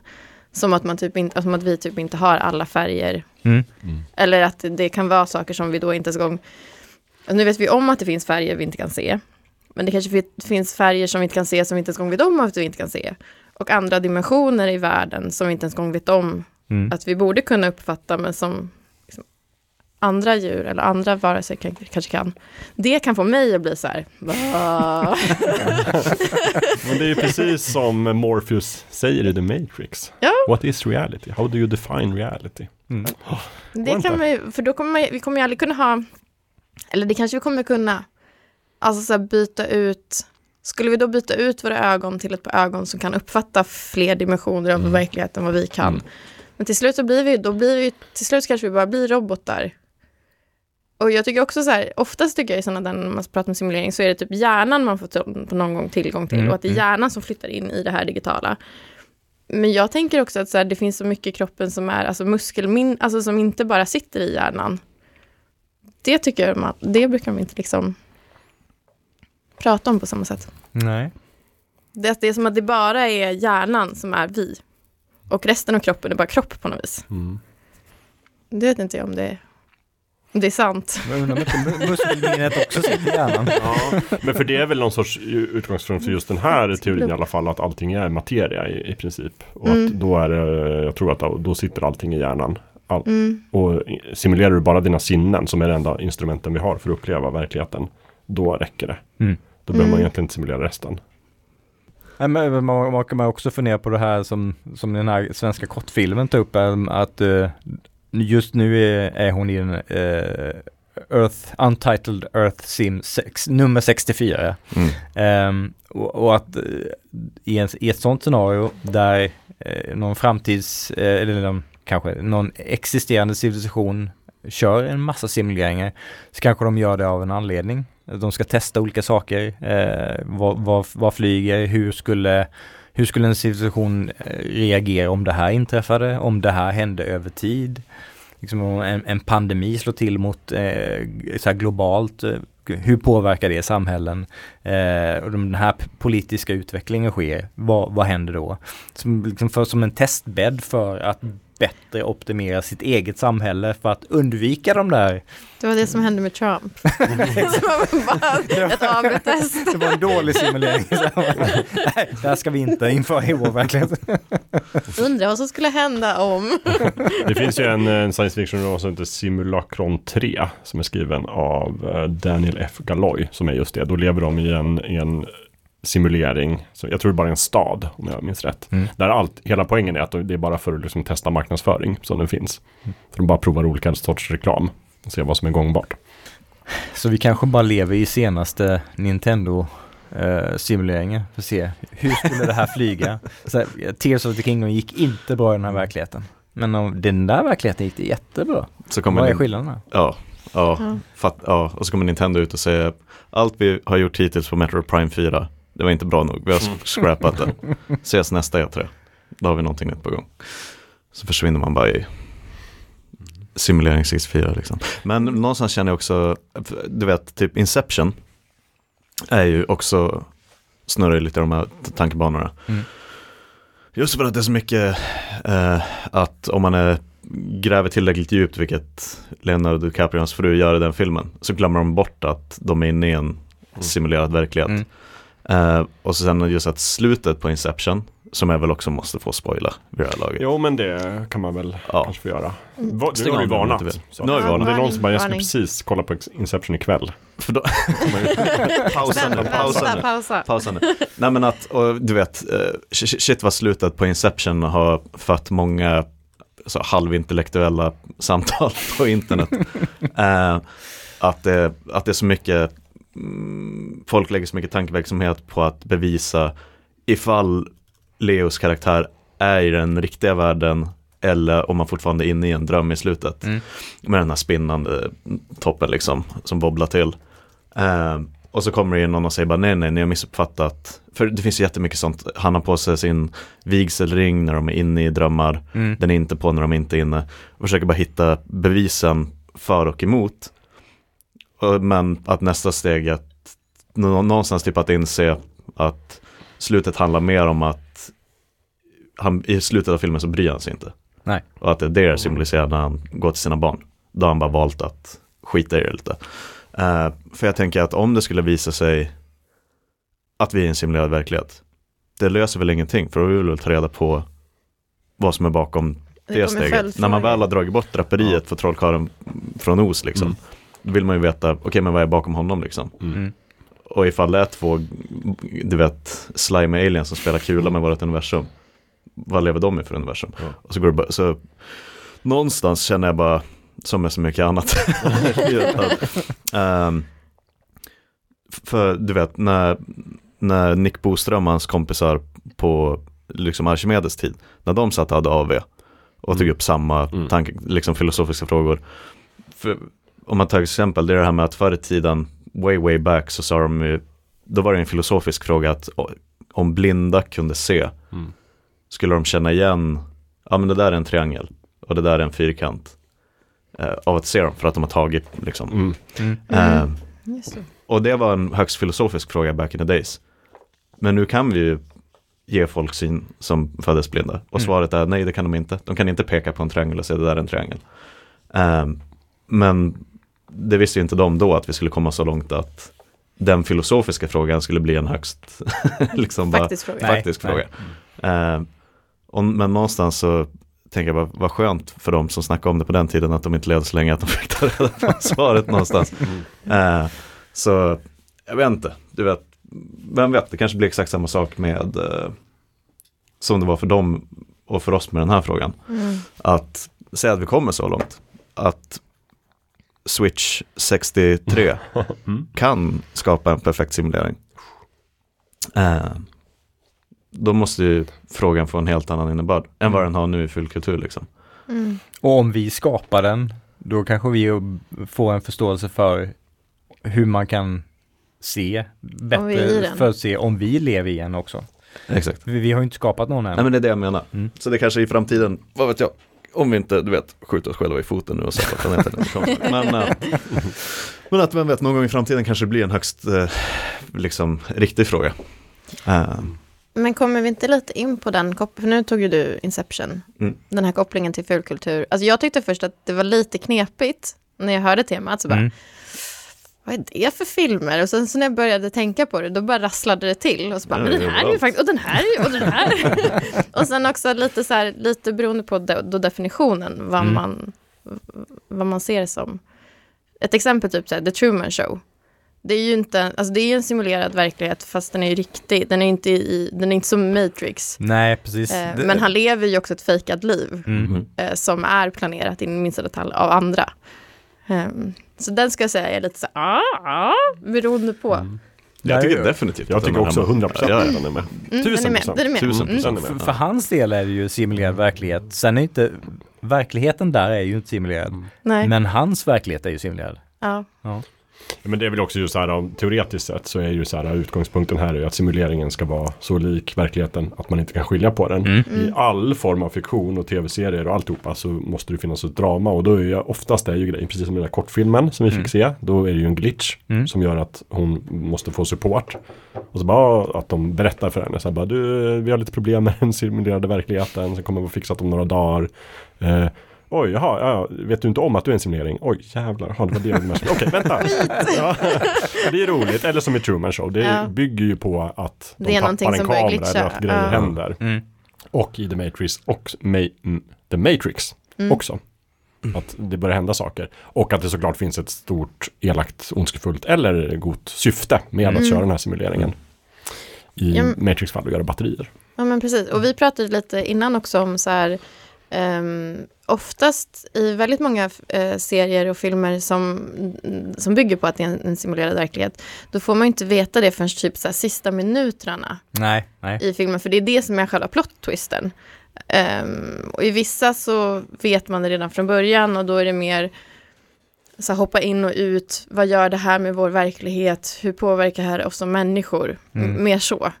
Mm. Um, och att det finns liksom lite två olika läger nästan. Men det är sällan det är någonting annat än, än de två varianterna tycker jag. Nej, och sen är ofta den här filosofiska tanken om eh, om de här virtuella varelserna är i, med undantag för det, liksom det organiska, det fysiska, om, de- om de är existenser i, i alla andra avseenden, är de mindre värda då eller liksom, om, om den här virtuella verkligheten släcks ner, är inte det då mord på de här Massmord. existenserna.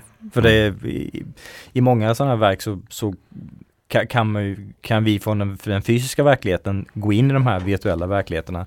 Och där är vår hjärna bara en av flera där inne. Mm. Så det är egentligen ingenting som skiljer oss från de andra existenserna. Det är bara när vi går ut från den som vi blir någonting annat. Annat. Ja. Men det är också som att oftast så brukar det vara så att antingen så är det en glitch, eller så är det att personerna når liksom kanten av simuleringen. Mm.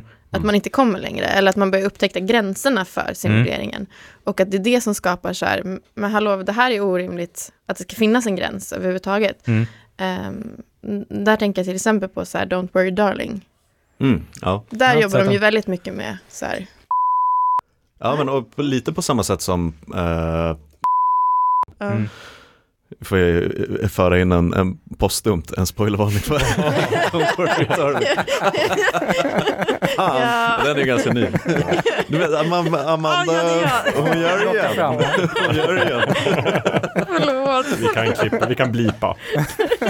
Den där filmen, Du hörde hur jag kom på halvvägs in i meningen. Ja, just det. Ja, just det. Ja, vi, får, vi får sätta på någon sån här varningslabel. Lyssna spoilervarning försiktigt. överhuvudtaget. Ja, allmän Just- spoilervarning. Just på grund av de här Lyssna inte om du inte har sett allt. Fast men ärligt talat, och, ehm, ehm, men typ i Truman Show. Och det här gör ju olika kulturella väl, hur mycket de vill, du vet, leka med tanken att ta det ett steg till. Om du tar Matrix till, exempel. Mm. Där är ju, eh, först är ju hela liksom så här, puff, det som spränger ens hjärna är ju att vi lever i The Matrix. Mm. Men den, den riktiga världen finns utanför. För i Truman Show är det väldigt tydligt, där gör de det ju, där isolerar de det till att det finns en fake-värld som Mm. Truman lever i och utanför den finns den riktiga världen. Ja. Mm. Done. Det är ju bara ett lager Mm. liksom. Mm. Eh, och i Matrix så är det ju så fram till typ tredje filmen när han också har krafter Mm. ute i den riktiga Ja, världen. Mm. Mm. Så att man ska få det där klumpen i magen och tänka Ja. shit, Tänk om det de är är en simulering. Matrix, är simulering i Ja. simulering Ja. liksom. Mm. Eh, och där är avvägningen, någonstans typ när jag var liten så tyckte jag inte om öppna slutfilmer. Eh, jag ville ha det tydligt, ex, det, här, det här gäller. Mm. Svar på alla frågor liksom. Eh, så det är ju allt, det är ju, känns som att man kan gå åt två håll. Börjar man leka med tanken på att det här är en simulering och det finns en riktig värld utanför, så har man alltid valet då i- film och tv och ser liksom att ta beslutet, stoppar vi här och säger pum, från och med nu är det verkligt liksom. Mm. Eller gör vi inte det? Och så öppnar vi lite på ventilen och då kan det spåra iväg hur långt som helst liksom. Och så blir det filosofiskt i slutändan. Då Eh, ser man väl den där ryska dockan. Ja men precis, Mm. och där är vi tillbaka i Inception igen. Och, Mm. eh, och jag tycker båda två funkar lika bra. Det, som Jakob sa, du uppskattar ett bra manus. Det gör jag, det sa Ja. jag. Mm. Alla eniga. Mm. Men är det mycket, för det känns som att många också hakar upp sig på att, du vet, ehm, och där kommer vi in i Westworld igen. Mm. Eh, Det jag tycker att, uh, gud, nu glömmer jag ju namnet på världens bästa skådespelare. Jag höll på att säga Alfred Hitchcock, men han heter Anthony Hopkins. Anthony Hopkins. Det Anthony Hopkins gör så himla bra, för jag tycker fortfarande att första säsongen av Westworld är fantastisk tv. Mm, otrolig. Eh, sen tappar han mig. Men det han gör så bra i första säsongen är du vet när han sitter där. Eh, och det, är- det är någon scen när de har en av de här eh, Westworld-robotarna. Och de typ, det är en, någon som jobbar där som skyler kroppen. Mm. Och Anthony Hopkins kommer in och rycker bort det och typ snittar roboten i ansiktet med en skalpell. Bara för att göra det tydligt för, så här, ruska om Amanda och bara, du, du vet att det här är robotar va? Du kan Mm. inte låtsas att de är Mhm. Människor. låtsas inte att de är människor liksom. Eh, men sen, och hela grejen med Westworld sen är att, du vet, när kommer vi så pass långt att det är oetiskt att behandla dem som robotar? För Mm. obviously så är de ju någonting mer, Mm. liksom. Det känns som att många hakar upp sig på det här att om vi nu skulle leva i en simulerad verklighet så lägger man vikt vid varför. Liksom, är det bara ett är det bara någon som sitter med ett intergalaktiskt Nintendo Switch på en buss och spelar liksom Universe the Game Mm. och att bara är i underhållningssyfte eller är vi en simulering för att de ska testa någonting eller att det spelar roll liksom. Mm. Eh, Och det är frågan om, om vi lever i en sån simulering där deras syfte är något annat, men vi lever våra liv som vi gör, eh, Ja. gör, gör det någon skillnad för oss egentligen? Mm. Att vi lever i en simulerad verklighet? För det är ju ändå vår verklighet till syvende och sist. Ja, jag menar, och jag fatt, om man tar liksom både Westworld och Truman Show. Där hör det ju till dramat att de inser att mitt liv har varit för un- i underhållningssyfte liksom. Mm. Mm. Eh, Jag är en fånge. Liksom. och vad, vad betyder det här? Det är det jag tycker är så härligt med, det är ju någonting som faktiskt gör i Truman Show. Att filmen slutar ju när den liksom kom ut. Mm. Mm. Och så vet man inte vad som hände sen. Mycket terapitimmar för att Ja, gud, med, ja. Verkligen. med tanken på att okej, allt var på liksom. Mm. Ehm, Ja. ja. Och den sortens öppna slut är ju ganska, ganska vanligt när simulerade verkligheter tas upp i, i fulkulturen. Jag vet inte om ni har sett eh, den här trettonde våningen, eh, filmen. Mm. Nej, men den dök upp när jag googlade på eh, filmer med simulerad verklighet som tema. Ja, det- den är från typ 2006 kanske? Ja, Eh, så att eh, det är väl kanske bortom spoiler-territorium men eh, jag ska inte ta upp allt för mycket detaljer men, men där, där kan ju folk från verkligheten gå in i virtuella världar och interagera med, eh, med, med virtuella eh, människor där inne och de kan ta ut, eh, ta ut en personlighet från, om, om en person dör inne i den virtuella världen så kan, kan man föra ut sin personlighet i hjärnan hos den människan som har färdats in i den världen.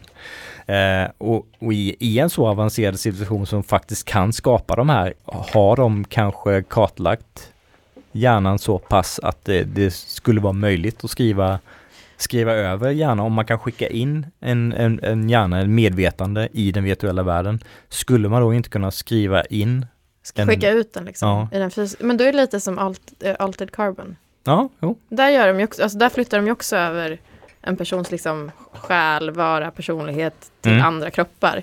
Och kroppen egentligen bara någonting som kan så här slafsas runt med. men, men det kan alltid, medvetandet kan alltid hoppa, Mm. hoppa liksom.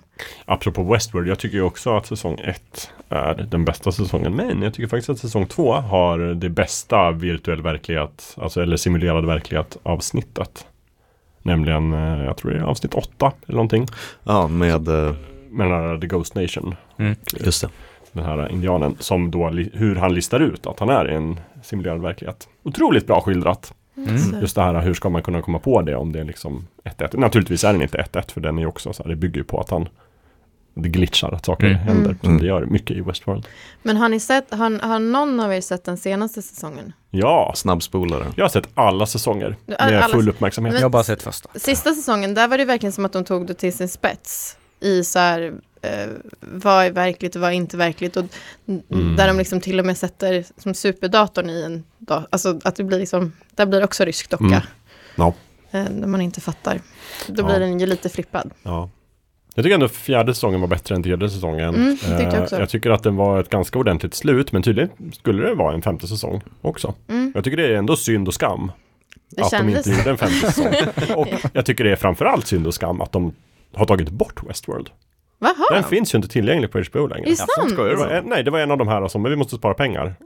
Så bara, vi fimpar Westworld. Spara pengar på En vad? gång. De har ju filmat skiten. Jo, men det kostar pengar att ha den liggande tydligen. Jaha. Det kostar, Nej. inte vet jag, licenskostnader och de måste betala. Och Men det är alltså, väl, vi- vi- vi- är det viss- inte HBO som har gjort?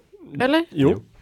Men det är ju jättemånga, även Disney Plus ska ju ta bort jättemycket originalkontot nu för att de måste spara pengar. Det kostar att ha grejer liggande. Jag tycker det är helt sjukt. Det här är inte vad vi blev lovade. Det här, det, här Streaming i är världen kom. det här är därför din taktiklövet har funkat. Är- Ja, Köpa fysiskt. framtiden kommer ge dig Ja. rätt. Ja. Blu-ray, det är det enda sättet att vara Du kommer ha kvar ditt. It's the only way Vi to kommer sitta med ingenting. Ja, jag tycker det är otroligt. Westworld, en gång i tiden liksom flaggskeppsprodukten Ja, på. HBO Mm. med Anthony Hopkins. Och nu, nej vi tar bort den. Vi har inte råd att ha den liggande. Skam. Ja, det är, Disney Plus ska ju ta bort den här The Jeff Goldblum show till exempel. Jaha. Jag vet inte om någon... Jag har också har märkt inte att sett den. eh, eh, jag älskar RuPaul's Drag Race. Ja, det, det, Eh, det, har de ju, det har de ju också tagit bort. På Netflix så har Mm. de från typ säsong 13 och framåt. Mm. Eh, 4, 5, 6 bästa säsongerna Mm. någonsin. Kommer aldrig kunna se dem igen. Mm. Search. Willow ska ta bort, tas bort. Nej. Jo. Ja, då borde jag se den. Får- Ja, du ska se den så passa på. Jag tror den på. försvinner i september eller någonting. Åh, herregud. Det, alltså, det var en lista nyligen, de har börjat komma upp i mitt flöde. Så här, här är typ alla dela 40 den. avsnitt. Förut var det ju så här, det här är det som försvinner från Netflix. Mm. Därför att deras eh, licens har gått ut. Och Mm. det här är det som kommer på Netflix. Men nu är det så här, Original. original-content. Så det här är det som Fan. de inte har råd att liggande. Får jag ventilera något liknande? Gör det! Gör det. Eh, Yle, Yle Arenan, det är SVT Play fast i Finland. Mm. De har alltid alla säsonger av Skam. Jaha, Men SVT lyckas inte med samma. Nej, vadå har inte SVT alla säsonger av Skam? Nej. Va? Nej. Också Om man går in nu så står det bara inga avsnitt tillgängliga. Wow. Och så sen, men de kör ju, jag kollade om det typ förra året. Mm. Men då är de, då släpper de alltså ett avsnitt i taget. Fyra säsonger liksom, ett avsnitt i veckan. Tar de bort Så man måste också. se, ja men så försvinner de liksom. Mm. Och jag fattar inte vad Norge och Finland har för deal Nej, som Nej. Norge och Sverige inte som kan inte ha. vi kan ha. Ja. Men Exit, eh, den, där finns väl alla säsonger på SVT? Ja, men det är väl, är det sista säsongen som går nu? Ja, den har börjat gå nu. Mm. Men det, de, de första två säsongerna finns ju fortfarande kvar. Och Mm. det är väl en norsk, eller om det är norsk-svensk samproduktion. Mm. Mm, Det är ju lite svenska skådespelare i alla fall. Mm. Men jag kan ge mig fan på att norrmännen kan kolla på bron hur mycket de vill. Ja, du menar att vi borde vara hårdare där? Så om ni ska se på Nej men jag fattar bara inte, förlåt, jag fattar bara inte vad skattepengarna går. Men, Men var det så här att vi vann Eurovision nu, så bara så okej, oj då, det blir dyrt. Vi får nog lägga, vi ger tillbaka nej, skam. men, och det vet jag också för jag har varit på SVT och snackat med Gick det Jag har dit för att prata om det här? Vad är din skam? utanför radiohuset. Jag vill ha Släpp in svar. mig. Ja, det här är mina skattepengar som går Så till det om här. ni någonsin, eh, det är därför vi inte kan göra någonting med SVT på Fullkultur för att jag är eh, portad. Bannad. Mm. Eh, ni kan säkert komma in. Nej men eh, jag, jag pratade faktiskt med, det var någonting inom KTH, vi var hos SVT så jag snackade med programchefen för någon kanal.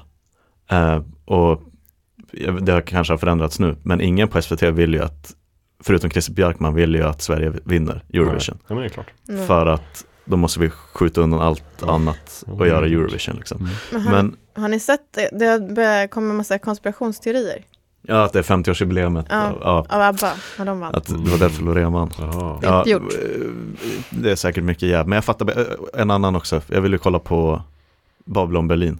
Just Och det finns ju en ny säsong. Inte på SVT. Och så kollar man SVT, ja, 2035. Du vet Mm. samtidigt som Norrbotniabanan blir klar. Då Det kan är du helt kolla på sjukt. säsong 4. För det var ju samma sak, nu vill inte jag se det, men säsong tre av Sanditon Mm. också. Säsong två tog ju typ ett år innan det dök upp på SVT Exakt. Play. Och nu finns ju säsong tre, Mm. inte på SVT Play.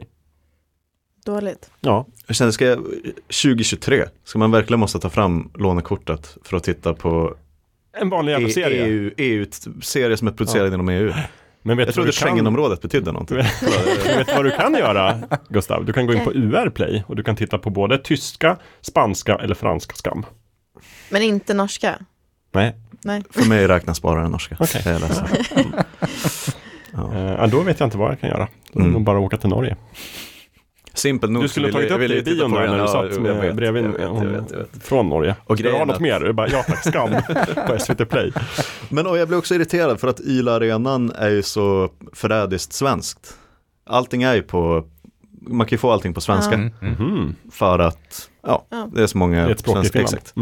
Mm. Eh, men så klickar man se nu liksom, boom, stor grön knapp. Men då kommer ju någon jävla modal fram som säger att, Du är inte i Finland. ja du måste bara berätta vilken kommun du Svaret på det här quizet om Finland. Jag skrev, till min, jag skrev till min kompis som har släkt från Finland och så kan jag få ditt Yla Arenan-inlogg. Kan du inte bara använda VPN? Funkar inte det? Nej, för du måste ha typ ett finskt bank-id liksom. Jaha, oj. Så det- är mer avancerat än Så de nästan. håller Det är en är- bakom ett finskt medborgarskap. Ja. Ja, Men Vilket jag också tycker- sånt. Vad är det för jävla sam, alltså, samhållning? Du menar att Sverige och Finland borde dela eh, public service Ja, innehåll med varandra? Men jag, är jag är kluven i NATO-frågan, men om det innebär att jag får kolla på skam. Ja, då. Varsågod. Men det har liksom Tack, inte dykt upp som en perk. Eh, Det hade kunnat förändra Mm. samhällsdiskursen tror jag. Ja, kanske det är Turkiet ute efter. De bara, vi vill också ha skam. Alla vill ha skam. Men det du vet, för att knyta an till temat på ett väldigt löst sätt, att om simuleringen är så bra, att man kan gå från att prata om den till att trassla in sig i skam, liksom. Då skiter jag fan i vilket. Då behöver jag inte veta. Det, det är den här bortslösade komplexiteten de pratar om. Men har ni några favoriter? Alltså det blir lite så då som, alltså att det är svårt ibland att säga att det är en favorit för då spoilar man också slu, alltså, slutet. Mm. Fast jag vet inte, är det så himla många? Eller inga av mina exempel i alla fall är det inte så här sista minuten Jaha, jag har några, avslöjandet. jag har några sådana. Det kanske, Ja, ja, de flesta av mina är det så här, man får reda på det i första akten. Och sen Mm. problematiserar de. Att premissen hänger lite slut. Ja. Men det, det är klart, det finns säkert några där det är liksom det stora avslöjandet. Men Ja, de har inte jag med på min lista. Men om vi bara gör en liten, vi behöver inte spela en jingle, men nu, nu kommer Amanda alltså att slakta sex serier. Ja. Och du, kan, och, och du spoilar ju när du säger namnet. Så någonstans måste du ändå, ja, men det är väl bara så här, hela Amandas segment här blir en stor spoiler. Spoiler. men jag, men jag menar bara att det här är ju grovt, för vi kan ju inte säga, eh, vi vet ju inte vad du kommer att spoila heller. Nej. Så nu går vi verkligen ut blint i, Jag bara Ja, tänkte in, innan vi går in på tipsrundan. Bomber. Tänkte jag bara ställa en, en, liten, en liten frågeställning här. Med tanke på det vi vet från fulkulturen om vad som skulle kunna hända Mm. med eh, människor i simulerade verkligheter. Och vi, vi gör stora framsteg med, med AI, ChatGPT och det ena med det tredje som kan generera väldigt, väldigt trovärdigt material. Mm. om, om vi om no, några år från nu presenterar liksom, bara, "F- nu, nu, nu har vi vad som krävs för att skapa en, en så pass verklighetstrogen eh, simulerad verklighet att de som lever i den inte skulle veta att den är det. Mm. Tycker ni att vi borde göra det? För det, det är en- del av mänsklighetens mm, eh, strävan framåt är ju att om vi kan göra någonting så ska vi göra det for science.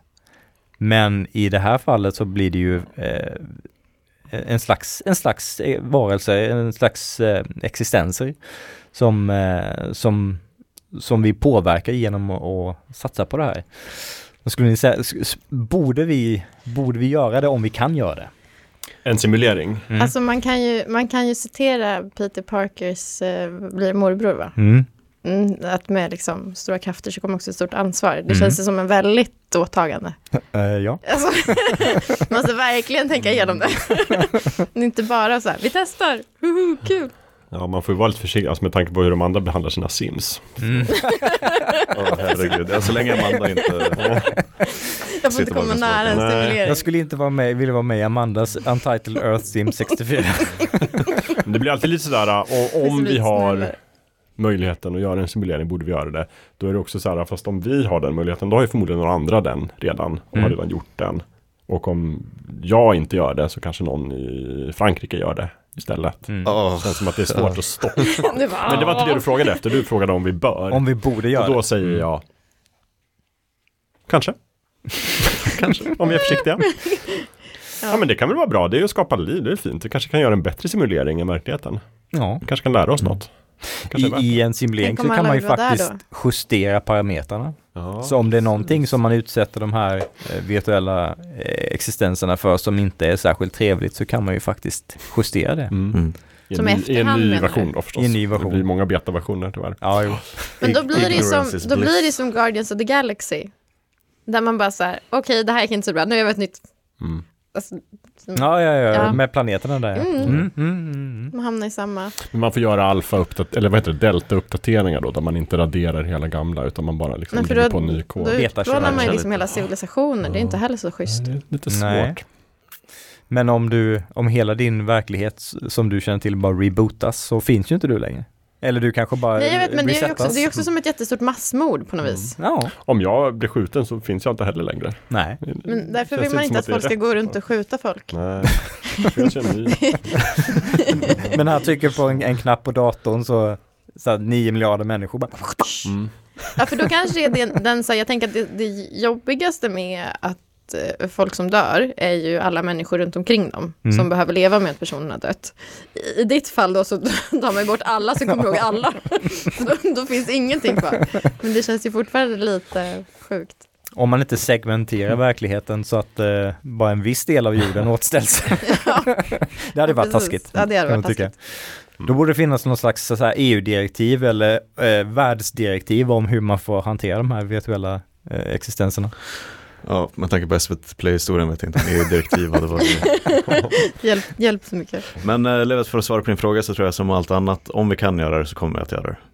Sen Ja. om det är bra eller dåligt eh, tar vi reda på i efterhand liksom. Men det är väl ofrånkomligt. Jag tror vi kommer att komma tillbaka till exakt den här frågan sen när vi har kollat på Oppenheimer i, i sommar. Mm. med lite den grejen. Nej men och det är också det så jag känner för liksom ChatGPT och AI. Att jag tror aldrig var en fråga ifall det är smart eller inte. Eh, att när vi väl öppnar på Pandoras ask liksom, där är redan nu är det redan för sent. Mm. Liksom. Så det är bara en fråga om att hålla fast i, i båten liksom. Se var strömmarna för oss liksom. Mm. Det är som Aperture Science i Portal-spelen. We do what we must because we can. Det är deras For slogan. science. For science. Nej men ja. Och min hjärnkapacitet tog slut, förlåt. Fick du svar? Kände du att du fick svar? Ja, ja, Men jag skulle vilja ställa en liknande fråga lite snabbt innan vi går in på tipsrundan. Hade ni velat veta? Nej. jag hade nog velat veta faktiskt. Mm. Alltså jag tänker att jag hade blivit mycket olyckligare av att veta. Ja, men det, det, det är ju rätt intressant ändå för vissa människor, typ som om man bara ska ta ett trivialt exempel, eh, när folk ska eh, få barn. Mm. Vissa vill ju inte veta vilket kön det är, Nej. andra vill veta. jag är den, nu har inte jag barn, men om jag skulle få det så skulle jag eh, gärna vilja veta, inte för att det spelar någon roll vilket kön, utan bara för att jag gillar information. Jag gillar, jag gillar ha Gillar information, dagens quote. jag vill veta saker, eh, så spelar ingen roll vad det handlar om. Så jag, jag tror jag skulle vilja veta och sen om, om, jag, om jag visste om att ja, men jag lever i en simulerad verklighet, så bara, hur kan jag han, använda den här kunskapen på något eh, användbart sätt? men hade du kunnat fortsätta leva i simuleringen då? Alltså tänk att premissen är så här, du får veta det. Mm. Det är inte så att du kommer ur simuleringen, du bara råkar veta att du är i en simulering. Mm. Då skulle, vad ska du göra med informationen? Det skulle ju bara skapa... Det är frågan, vad får jag reda på? Om, om, man, om man jämför med The Matrix igen, eh, Mm. när han, eh, Cypher heter väl han som förråder dem här för mig. Mm. Ja. Eh, när han sitter där med eh, agenterna eh, och får äta den där saftiga köttbiten och liksom eh, pratar om att Njuta man, jag vet att den här inte är verklig. Men det, det förtar inte hur, hur saftig den är. Om jag skulle få reda på att jag lever i en verklighet som är en, en fattig version av den riktiga verkligheten. Då skulle jag förmodligen vilja ta mig ut dit på något sätt. Mm. Och det är så här, men om det inte är möjligt, då skulle det förmodligen bli en frustration över att veta att jag lever i någonting mindre än vad jag skulle kunna leva i. Eller så lever du i någonting större än vad du skulle kunna leva i. Så kan det också vara. Eftersom om man pratar då om att så här, världen utanför är hemsk. Mm. Den är verkligen inte anpassad för människor för alla ligger i en liten kapsel och blir liksom I en framtida jord som är mestadels förstörd, Mm. då kanske jag inte skulle vilja komma var, nej, nej, nej, nej, nej, nej, nej, jag stannar inne. kvar. Jag vill inte gå ut. Jag, jag må vara ett och nollor men jag är perfectly fine med det. Ja. Eh, Jag tror faktiskt jag skulle vilja veta. Jag säger som Lövet, jag vill också veta. Mm. Information är bra. Jag skulle vilja veta om det finns en gud så skulle jag vilja veta det. Om det finns en simulering så skulle jag vilja veta det. Mm. Eh, något bra kan man väl göra med den infon, tänker jag. Ja. Ja, jag tänker nog på- på ett plan så skulle jag vilja veta det, men jag skulle nog vara lyckligare utan att veta det. Mm. Ja, men det mycket, Alltså- finns mycket jag vet som jag skulle kunna applicera det. Att inte. Ja, som sagt, eh, säsong fyra av Westworld. Jag skulle vara kanske lyckligare utan att veta att den finns. Eller säsong tre. Ja, säsong tre framför allt. Om det är någon jag skulle Den vilja jag ta ett rött piller och bara glömma bort. Så, Mm. Så om systemarkitekterna lyssnar på fullkultur, så patcha gärna. Nej, jag är ändå Westworld-försvarare i den här podden. Jag skulle ändå vilja Ja, jag försvara med. även säsong tre. Trots dess många, många, många brister. Men Det finns andra säsonger som jag skulle vilja ta bort, glömma bort. av andra serier. Men jag känner bara också för, du vet, ifall vi hade, Lövet för att bygga på din fråga, ifall vi, om vi borde göra en simulering ifall vi kommer dit liksom. Mm. Typ, eh, Natasha McAlones ka- karaktär i eh, Truman Show. Mm. Det är ju hon som tar eh, liksom beslutet åt honom. Mm. Att ta det etiska beslutet att jag måste komma in och dra undan skynket liksom, för Mm. att han förtjänar bättre. Mm. Det är fel att han är fast där och tror att liksom, hade vi skapat en simulation så hade det funnits miljontals sådana karaktärer som hade försökt göra folk varse i simuleringen att det är en simulering. Mm. Men jag ser liksom, det hade varit jättetrevligt om jag hade en Natasha McElhone som Mm. försökte göra mig varse om det, men det har jag inte. Var är, var är min Natasha? Det är frågan. Nej men det känns bara som att det borde, ja, det borde finnas många som skulle vilja berätta Mm. Mm. att det är en simulering. Liksom. Ja, Och såvida det inte är bara ett fåtal personer med nycklarna till kungariket så är ju sannolikheten väldigt hög för att någon skulle få skuldkänslor. Sant. Och någonstans hade jag väl tagit det med ro ifall det visar sig att Gud är Ed Harris. Mm. Ja, Då känns det som, okej, allt är... Ja, allt, okej. Ja. Fuck, Allt ta det är härifrån. Nu kör vi på som vanligt. Han var bra i rätta virket. Ja, Mm. verkligen. Och Westworld. Ja, ja, ja. Ja. Okej, tipsrunda.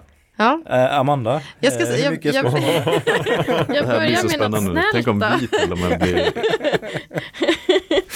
Eh, men, ehm, eh, åh gud, vilka ska, jag- vad ska jag börja med? Eh, vi har ju pratat om några redan, men jag tar väl ändå som inte, alltså det här, är- den är inte, jag skulle inte säga att den är bra, men man får se, man får se Bruce Willis i en väldigt fin blond tupé. Det tänker jag är värt, bara det. Absolut. Eh, The Surrogates. Där man är liksom, människor går inte ut längre själva, utan de skickar sina surrogater ut i världen. Och då kan man också bestämma hur man ska se ut och vem man ska vara. Så att alla som är i världen är mycket, mycket snyggare versioner av sig själva eller en version som inte alls stämmer överens med sig själv. Just det, jag har Eh. sett den här filmen. Ja, Men det är väldigt länge sedan. De här surrogaterna, är det bara kroppar som har tagits fram för det här eller är det faktiska människor som nej har det, det är liksom kroppar. Mm. Som stora meatpacks. Liksom. Jag, vet, jag vet inte om de, till och med, om de till och med är robotar. Och så kopplar man upp sig hemma liksom, Mm. eh, med en stor dator och lägger sig i alla liksom, Assassin's Creed. ehm, där. Mm. Eh, och jag tror att det först, och, och då, då är det liksom grejen, själva pitchen är ju att du kan inte skadas. För skadas din surrogat så är du liksom välbehållen hemma. Mm. Ehm, men det börjar med att en person faktiskt dör på riktigt av att ens surrogat blev mördad. Och att de bara säger det här är omöjligt. Och så blir det liksom en mordgåta. Och så visar det sig klart att den här, så här sexiga unga kvinnan egentligen var en fet man som låg hemma eh, och dog. För att liksom på något sätt väcka upp så här, aha, alla ser inte ut vad de... de utger sig inte. drar. Man Precis. kan heta vad som helst på internet. Men jag har för mig att den var halvbra. Typ femma, Ja. sexa. Mm. Eh, Ja, väldigt medelmåttig. ja. Vill jag minnas. Men ändå, ändå, om man ska liksom nörda in sig i genren så Mm, tycker jag mm. att man kan se den. Mm. Eh, jag kan nämna eh, Black Mirror-avsnittet.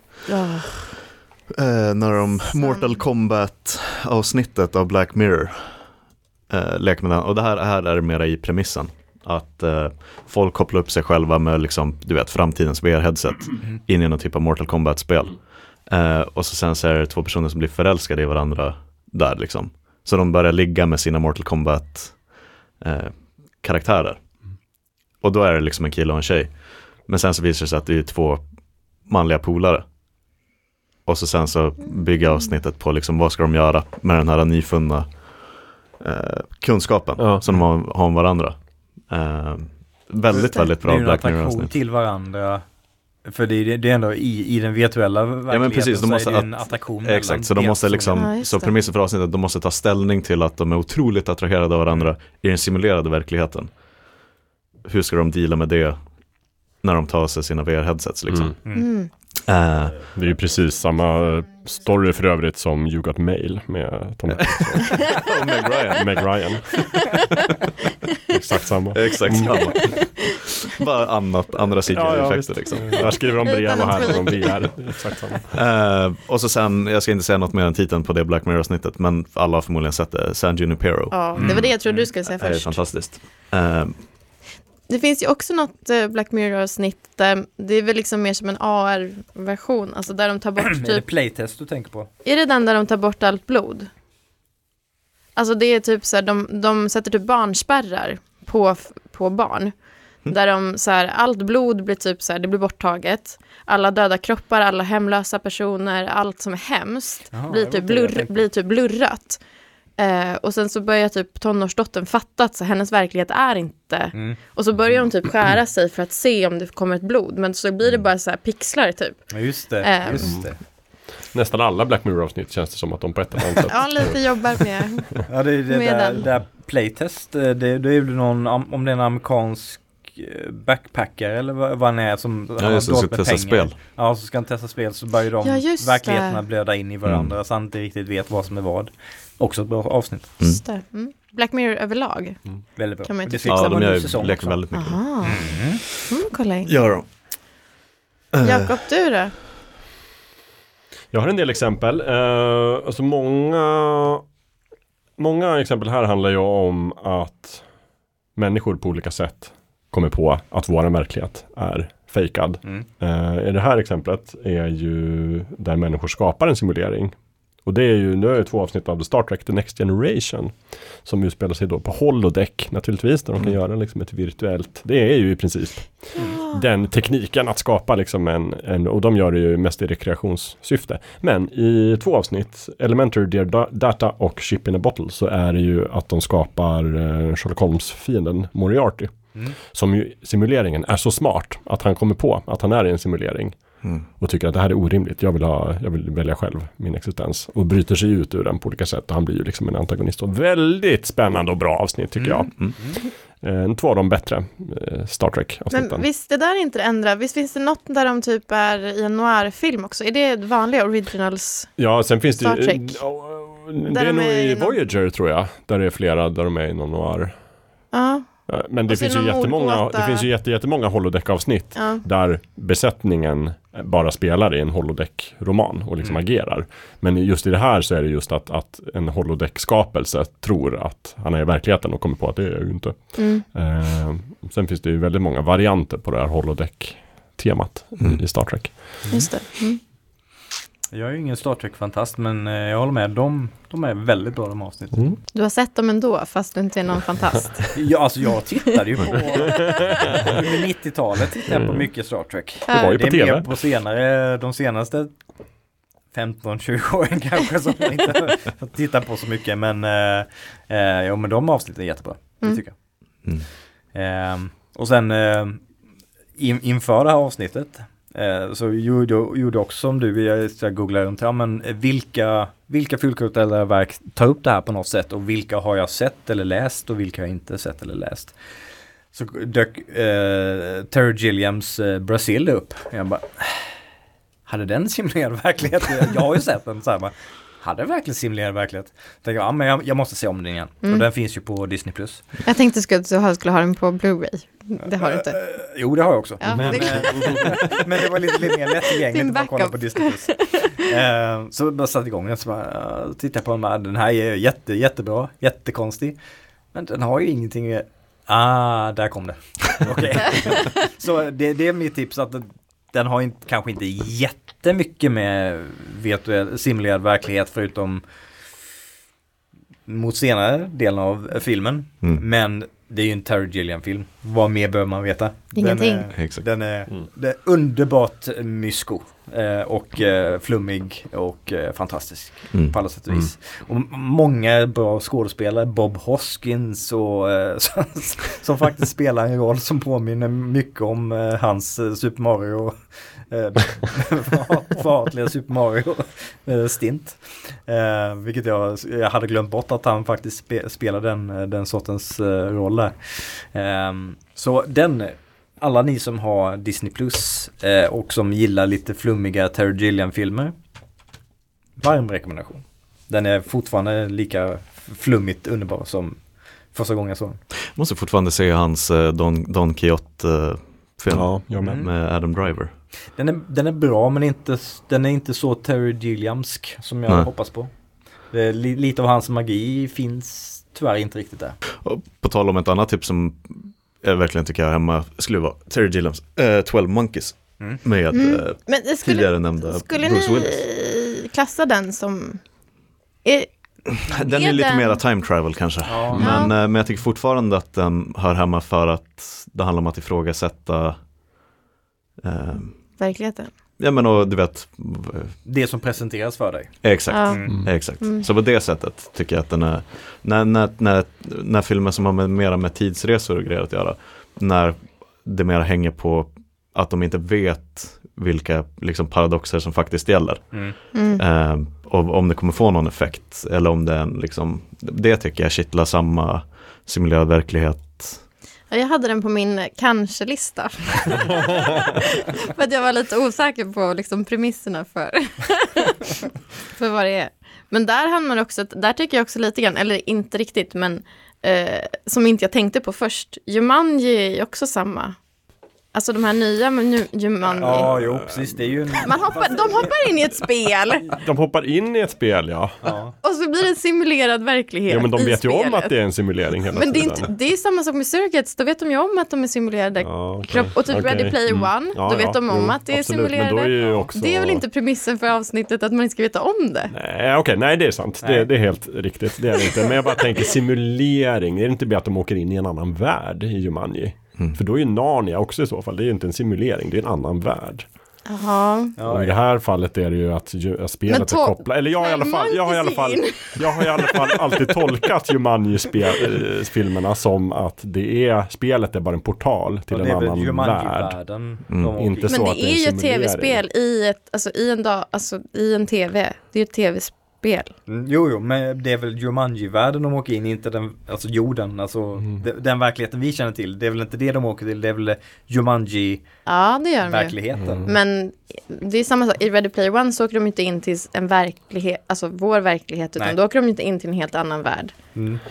Eh, I, I Ready Player One skulle jag säga, då åker de ju in i, i en simulerad värld som de själva har byggt och känner till. Så det är ju Ja. ett exempel. I Jumanji så åker de ju till en värld. Jag har, aldrig, jag har aldrig tolkat det som att de åker in i själva spelet, utan att spelet är en portal till en annan värld. Nej, jag tänkte att jag det, det är så här bling bling, det dyker upp Ja, till du och med så här, Ja, dina ja, karaktärlägenheter, sant. Ja, de så här, åker in i spelet. du får inte äta kakan. Nej. alltså, Nej. det är, Nej, de är ju de är en simulerad värld, en spelvärld. Absolut. Fast de känner till reglerna. Ja. Att, att det är en... eh, De känner inte riktigt, de känner typ till reglerna, men vissa regler kommer också fram i och med att de de spelar. reglerna as, as they go. Precis.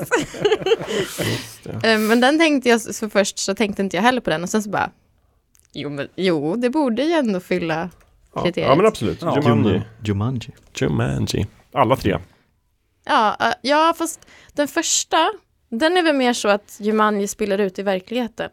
Än att de kommer in i Jumanji. Eller hur? Ja, Nej, åker de inte in i- Robin Williams åker in, men det är väl just i början tror jag att det kommer dyker upp ut. saker. Ja, precis. Det kommer ut saker och sen så Ja. kommer de in i slutet Mm. och sådär. Ja. Tror du de nya eller Med The Rock och Kevin de Hart. kör ju mera fullt ut att de åker in igen. Ja. Spelar. Mm. Och blir helt andra Mm. personer. Mm. Sådär. Så Då skulle jag ändå... Men sen tycker jag, nu tycker jag att jag börjar gå in på så här, jag vet inte vad jag vågar säga. Men den här, är så, den här är så gammal så det här kan inte vara en spoiler. Men Vanilla Sky, Nej, den är, den är nog tidigt 2000-tal. ja, Det borde vara okej. själv. den är bra. Bra film. Bra film. Även om jag inte gillar Tom Cruise. är Den bra. Den bygger väl på en... Är den spansk? Eh, film på samma koncept. Typ eh, Abreles... Dojos, Rojos, någonting. Eh, jag har för mig att det, det, det, det, är en, det är en remake på en om det är sydamerikansk eller spansk eller vad det nu är, eh, film på samma koncept. Mm. Fast så gjorde de en, en Hollywood-version med eh, Tom Cruise. Tom Cruise, Tompan. Tompan. Det där talar för att vi är i en simulering, att Levet plötsligt börjar prata spanska. Ja, De verkligen. håller på, de håller på att patcha. Just nu. Är det ett japanska spel som gäller, nu är det spanska Eh, spel. exakt. Ehm, jag tycker också att uh, X-markerna hör hemma i den här diskussionen. Ja, ja. Eh, Med Alicia Vikander. med Alicia Vikander. Jaha. Och jag ska förklara varför. Mm. Ingen som lyssnar på fullkultur kan ju inte ha sett dem i det här laget. Men då utfärdar jag en till spoilervarning. Mm. Pausa avsnittet nu och kolla på den. Mm. En av världens bästa filmer. Egentligen är det så att så fort vi säger en titel så Då blir får man- nästan en spoilervarning för Ja. den titeln. Och har man då bara den har inte jag sett, då bara kastar sig på pausknappen. hela, tips, hela tipsrundan. Mm. Ja. Nej, men, Och det är ju också lite alltid det som gäller i Ja, men, gud. men vi vill vara extra försiktiga Ja. just här. nej men att just för den eh, filmen, det handlar ju inte ifall du vet om vi är i en simulerad verklighet eller inte. Men den kommer ju till det att för premissen är att eh, Gleason ska åka dit för att utföra Turing-test på Alicia Vikander. Mm.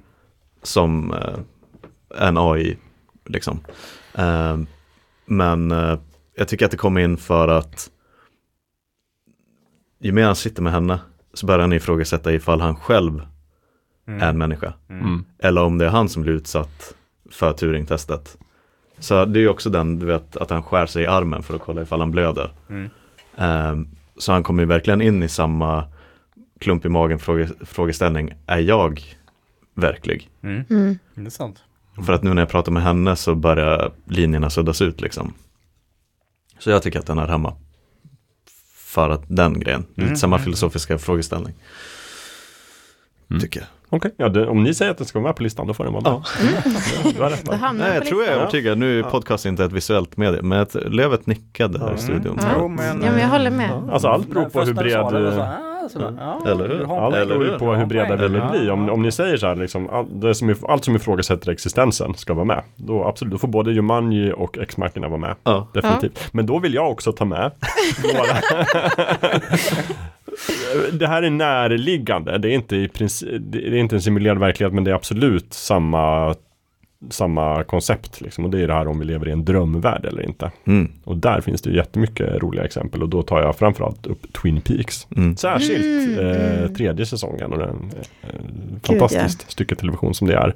Eh, I den här eh, fantastiska scenen där, där David Lynch och vad heter hon, Monica Bellucci är med.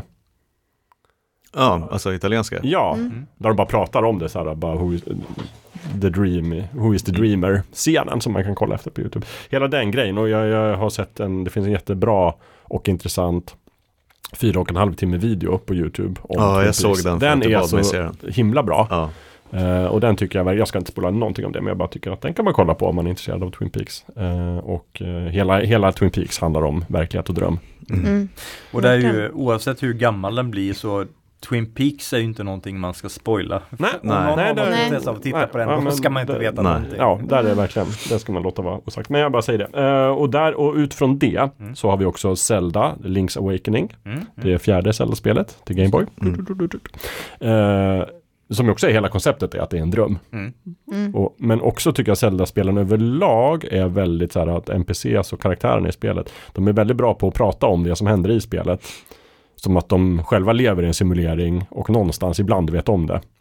Och ibland inte. Mm. Många ger så här speltips, typ att ja, men du vet att om man håller ner den här knappen och den här knappen, då kommer du att plocka upp saker. Fråga mig inte hur jag vet det, det är bara något jag har hört. det tycker jag är väldigt roligt. Eh, och sen så finns det en eh, film av Richard Linklater, som ju är en intressant eh, regissör. Och det här är kanske hans mest pretentiösa film någonsin, nämligen Waking Life. Som helt och hållet handlar om, om temat och konceptet med liksom eh, lucid dreaming och existens och hela filmen är bara en stor drömsekvens. Mm. Den är tecknad också och i Mm. olika stilar och det är bara folk som pratar om existentiella frågor. Och, eh, det är en jävla resa, den kan man kolla på. Mm. På tal om just existens. David Cronenbergs eh, film Existens eh, tarvar också på området. Det är där man tar de här organiska spelkontrollerna som man pluggar in sina kroppsöppningar. alltså, Den är så bisarr den Ja, alltså, mannen. den, är, den är jättekonstig. Alltså, och David Cronenberg har gjort många bra filmer men den är ju inte, den är inte jättebra. Men eh, den är intressant. Är det liksom äckligt på samma sätt som i, i Guardians of the Galaxy när de reser till den här organiska planeten? Där de typ landar på huden. Och så är allting inne i planeten är liksom hud och Ja, konst. fast jag, Det här här är skulle värre. jag säga är värre. Ja, verkligen. Ja. När de, eh, alltså, smutsiga eh, spelkontroller som ska plugga in sina och det, Okej. ja, mm. nej det är inte, det är inte De kanske är smutsiga av en anledning. eh, ja. Mm. Mm. inte bra. Vi lämnar det så. Eh, jag kan också, för de anime-fans vi har, kan jag tipsa om en film som heter Paprika. Ja, Ah, 2016. Den dök också upp på min, list, Jaså? på min googlingslista. Ja, ja, Inception innan Inception. ja. Exakt. Mm. För nu har inte jag sett den på väldigt länge men jag vill minnas att det, det är någon psykolog som ska ge sig in i en, en mördares, om det är massmördares eh, sinne i en virtuell verklighet för att eh, liksom, försöka bearbeta eh, hans, eh, hjälpa honom och bearbeta honom i, i den här virtuella verkligheten och sen så eh, händer det otrevliga saker där inne. Mm. Den, är, den är ganska flummig. Mm. Så man får man, vill, man, man, man får inte ha en, en fallenhet för eller eh, behöva ha allting väldigt tydligt och strukturerat förklarat utan eh, gärna gilla det som flummar ut och spacea ut eh, ganska mycket. Men det, det, är, det är en bra, det är en bra animefilm på, eh, på konceptet. Mm. Ja, otroligt snygg också. Mm. Så man kan, man kan också välja att bara stänga av och ta det för bara ett visuellt spektakel liksom. Mm. Visst har eh, den, du vet, eh, hotellkorridorscenen i Inception. När Joseph Gordon-Levitt slåss och det snurrar runt liksom. Mm. Den kommer ju från Paprika va? Jag vet Exakt inte om samma koncept Om det inte är liksom. Paprika så är det någon annan film. Ja, Mm. Men den kommer från någonting Pretty i alla sure. fall. Ja. ja. Mm. Eh, De lär ju vara inspirerade om inget annat. eller hur? Mm. Eller hur? Eh, Deadpool måste vi väl ta upp. För där, det är ju leken med att han är den enda som vet. Ja, att, jo, eh, att han är i en Mm. simulerad verklighet för att han är i en I filmerna sen, i, i Marvel-filmer och i Det är serien ju sen. alltid mot fjärde väggen. Exakt. Precis. Det gör han också i det här Marvel-spelet som jag spelar. Då är han med som. DLC. Då är det roligt att han säger, själv säger att bara, Oh mommy I'm gonna be a DLC. Det är ju fortfarande min favoritpanel i en eh, serietidning. När eh, Professor Xavier sätter händerna på Deadpools huvud. Mm, mhm. Och så sen så bara, hans hjärna går i krasch för att han börjar blöda näsblod. Men på tal, alltså, på tal om superhjältar så skulle jag ändå tycka också att WandaVision seglar in. Mm. Det är hon som gör den verkligheten. Det är ju liksom en- Ja, det är ju- magi, Det är också den där att man säger den första avsnitten bara så här, vad fan, hur hänger det här, det här, det är något som är skumt. Mm. Det är ju många glitchar av olika slag, Mm. där man bara säger det här är skitskumt. Och sen så liksom börjar det eh, veckla ut sig vad det är. Mm. Mm. Ja, absolut. Mm. Och sen så, Assassin's Creed började ju ändå som det. Sen tycker jag att de totalt har lämnat det. Men det började ju också med att man simulerade liksom förfäders minnen. Mm. Sen tycker jag att, att de inte gjorde så mycket av det. Nej, det är ju bortslösad potential där. Absolut. Mm. De hade kunnat göra mycket, mycket mer med också de parallella handlingarna. Mm. Mm. Men det var ju för att ingen ville spela liksom Jag tyckte tid. om det. Ja, jag också Delarna ja. med Desmond var ju alltid de Jag ville tråkigaste. veta mer. sucker för de delarna. Alltså. Ja. Jag tycker det var för, det blev för Ja, lite. jag håller med. Hade de gjort dem roliga, nu, nu är ju i de första spelen i alla fall så är alla Desmond-delarna tycker jag är ganska tråkiga spelmässiga. Det går ju mest ut på att man ska gå omkring och titta på datorer och läsa mail. Mm. Man kan inte ens hoppa och sen så ska man gå och spela spelet igen. Mm. Men de hade ju kunnat göra det till ett spel. Alltså ett lika spel. Och det är ju några grejer i typ 3 där man får hoppa och klättra också. Ja. Mer sånt, det hade Men man hade kul. velat veta, alltså där var det ju att man ville veta mysteriet. Mm. Mm. Alltså så här, varför ska vi ta reda på det här? Ja. Li- lösa mer av liksom den mys- mystiska komplotten. Mm. ja, Mer ett detektivspel mellan eh, eh, olika historiska eh, parkouräventyr. Mm. Ja.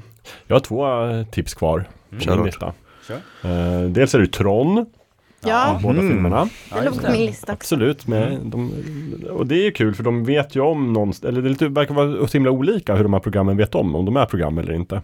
Mm. En del verkar ju veta det. Och det finns någon sorts mytbildning om, om liksom users.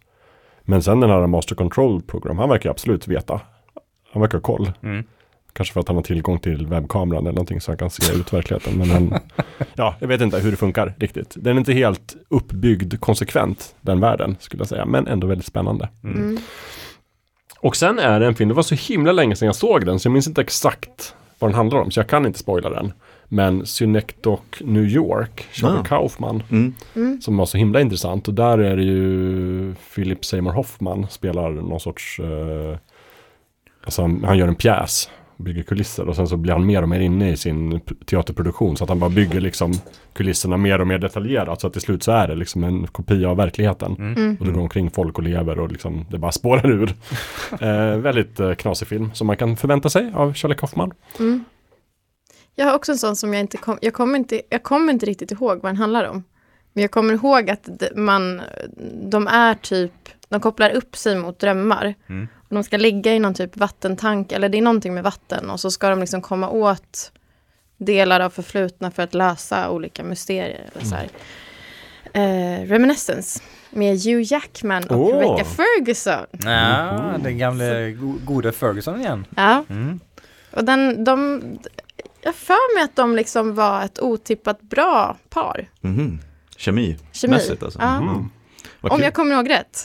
Men den är inte jättegammal va? Eller? Nej, det tror jag inte. Mm. Den, för, också för att hon, det var ju inte så jättemånga år sedan som hon blev hypad. Nej, Ändå. nej. Ehm, Där vi hade, det var väl innan inspelningen började så hade vi diskussion om hon kallades Ferguson eller Fer- Ferguson. Ferguson. Kanske var liten. Ja, precis. precis. Vi får fråga henne när vi har henne som gäst i...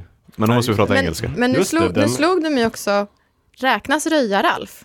Ja, Eller hur? 100 procent. Jo. Eller hur? Det är ju en sim- Han det är också, inser ju att han är, han är ju ett tv-spel. också. Om Jumanji räknas, räknas Röja-Ralf. ja faktiskt. Han ska ju vara rättvisa. Reminiscence är skriven och regisserad och producerad av Lisa Joy. Jaha. Ja, Som också gjort Westworld. Oj. Spännande. det kan vara något att kolla Jag skriver upp Röja Ralf här också då. Ja, Både ettan och tvåan. ja. Jag bara- har faktiskt inte sett tvåan. Nej, den är, den är bra. Är den lika bra? Eh, jag tror att den är, på ett sätt så är den lite roligare för då ansluter de ju sig till internet. Ja, just det. Upplagt för skrattfest. Ja. Är det memes med? Eh, mm, kommer inte ihåg. Nej. Okej. Släpper vi frågan där. Alltså, Okej, då får du läxa lövet och se om du har alla haft två. Jag får se har haft två. Ja. Se om det är någon memes med. Ja. Återkom nästa gång. Ja, Eh, någon, någon kanske. jag vill lägga till den, eh, varför tappar jag namnet? Lövet hjälp mig nu. Duncan Jones-filmen med eh, Jake Gyllenhaal. Ja, ehm, När de är på tåget. När han ska desarmera en bomb. ja, eh, hmm. Source code. Source, Source code, code, tusen tack. Mm. Source code. Eh, tyckte jag om jättemycket. Tycker om jättemycket. Mm. Ska inte säga något mer än så. Nej. Se den om ni inte har sett den. Mm. Jag har inte sett den. Då ska jag se den. Men jag tror du har tipsat om den tidigare. Jag tror jag Ja, tipsade om den ja. 6, 6 7, 800 Oj, oj, gånger. Ja, Jag undrar om jag har sett den. Nej, kanske inte. Får Mm. dubbelkolla. Jag var tvungen, för, för vissa av de här serier, eller, de filmerna här, såg jag för så otroligt länge sedan. Jag var tvungen att kolla på trailersna för att komma ihåg. Jag bara, hur var det nu igen? När man typ bara kommer ihåg tupén. Åh, men vi har någon sa Dark City förut, eller det var innan inspelningen. Den har vi inte Ja, nämnt. det fanns på Lövets lista. Ja, Ja, den har vi inte tagit upp, men den är absolut ett exempel. Det tycker jag är jättebra. Det är ju lite också så här, typ Matrix innan Matrix på många sätt. ja. Men den kom väl ganska nära inpå? Ja, det var nog, den är nog inte bara typ 90 ett eller två år tidigare. Ja, 98 eller sånt Ja. där. Jag har inga fler tips. Inte jag heller. Ja, vad har du sista S i rockarmen då, Gustav? Nej men jag, ni måste hjälpa mig igen. Ja, Um, det Lövet snackade om tidigare, du vet det här med att eh, vissa vill komma in i simuleringen och stanna där fast de vet att det är fake, andra vill komma ut för att de vet att det är fake. Ehm, du vet lite samma grepp som i slutet på um, Endgame, när Captain America åker tillbaka för att ställa allt till rätta med alla. ja just det. Och passa på att leva ett liv. Och så stannar han kvar Ja. liksom. Mm. Så kommer du vet, tillbaka och så är, eh, är han gammal liksom har levt ett helt liv där. Mm. Jag försöker komma, komma på, men det är någon annan film jag vet där en av karaktärerna gör ett aktivt val i slutet att stanna i den påhittade världen för att leva med sin familj där liksom. inte det ett Star Trek-avsnitt? Star Trek har ju för övrigt, är det inte Picard som läser och spelar flöjt för att han är fast i någon jävla Jo, grej? i The Inner Light. Ja. Då tror han ju att han lever ett, ett alien-liv. Ett, han lever ett helt liv. Ett helt liv. Så, i en simulering. Och sen, det han fick med sig var flöjtspelandet. Exakt. Ja. Väldigt bra avsnitt. Den, den slänger vi till i så fall. Mm, det gör vi. Men visst är det i original-serien Star Trek? Och de ska förklara pilotavsnittet och att de byter, att det helt plötsligt är Shatner istället. Och så, så kommer de tillbaka till så här att han, han, han åkte, är det Pine? Mm. Han, åkte ut för, han råkade ut för en jättehemsk olycka så nu är han helt vanställd och ful. Och så skickar de honom till den här planeten som de är i första avsnittet. Där han får leva med sin så här, snygga tjej. Fast hon var inte Oj. snygg egentligen. Men i den, på den planeten så, så känner man igen. Eller så blir alla snygga typ. Ja, just. Alltså jag vet att glada. Christopher Pike är med i något. Pike var det. I Mm. något ja, Pine är ju han som spelar Kirk Ja. i de nya filmerna. Men Pike är den första Ja, precis. liksom. Just det. Som nu kaptenen. spelas i den nya Star Trek-serien Strange New Worlds av någon skådis som jag inte minns vad han heter, men som är bra. Mm, mm. Just det. Jag minns inte så mycket från Men jag tror att när, när de skulle ja, precis förklara varför Pike försvann från Mm. Ja. första avsnittet till andra. Så i slutet av första säsongen så tror jag att de liksom kom tillbaka till honom. Han satt i en rullstol och var helt desformerad. Och Jaha. de tyckte så synd om honom så de sk- skickade honom till planeten. Oj. Där alla blev snygga. och så lät de honom leva där.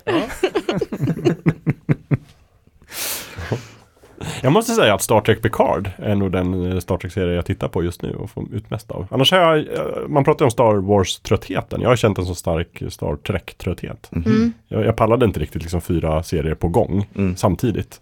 Så det tog jättelång tid innan jag började kolla på Picard, men nu gör jag det. Jag har inte Väldigt mycket, kolla väldigt på mycket Picard fanservice. Mm. Mm. Det är typ så här, ja men nu är det tredje säsongen, bara nu kör vi bara fanservice hela säsongen och sen slutar vi.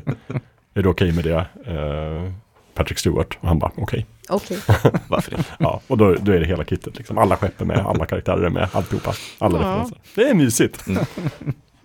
Men de sa ingenting om just det där avsnittet. Nej, nej. Fattar. Jag gör det. Det kanske var sista tipset Det då. kanske var det. Börjar vi känna oss mätta på simulerade verkligheter? Ja. Ja. Ja. Säger han som kom med en. ja, nu vill jag inte prata mer om det. Nej, jag kom på det. Vi har ju inte nämnt eh, Total Recall. Det är ju kanske inte så mycket av ett tips, för de, de, de flesta som lyssnar på podden känner ju säkert till dem. Mm. Men det handlar ju också väldigt mycket om att man, man tror att man lever i en existens som, som man egentligen inte lever i. Mm. Eller? Och där, Total Recall som ju både är en, en bok av Philip K. Dick Mm. och sen två filmer, en med Arnold. Philip K. Dick kanske vi måste nämna så här i slutet också, apropå Mm. alltså, en person som åtminstone delar av sitt liv också absolut trodde att han levde i en simulerad verklighet. han hade ju, mådde inte så bra psykiskt. Nej. Och sen införde det i många av sina böcker. Och så där. Han, de pratar också om honom just i den där Waking Life-filmen. Så Okej. en, en stor del av det är att de pratar också om Philip K. Dick och, och sådär. Så det är Mhm. ett bra tips. Ja, jag känner mig nöjd. Då har vi en. Nej, matig och fläskig länklista till lyssnarna. Och sen så får man skriva in, tipsa det vi har glömt om. Mm. Och rätta oss om vad gäller alla teorier om simulerad verklighet. Mm. Berätta hur det är och inte. Ja. Jag tror vi kommer föra på alla. Alla? Kanske? Är det någon Ja. som har koll på uttal, det svenska uttalet på Ferguson så får man också gärna höra av sig. Just det, berätta gärna. Mm. Hur, Hon själv kan väl höra av sig. Ja, så det är Ja, det hade varit det snabbaste, bästa. Ja, snabbaste sättet. så blir Ja. vi glada. Vi kan ta intervjun på engelska. Japp. Det kan vi absolut göra. Eh, Rebecka, det är bara att höra av dig. Eh, alla länkar finns inom kort på fulkulturpodden.se. Mm. Om inte redan nu. Ja. När ni hör detta.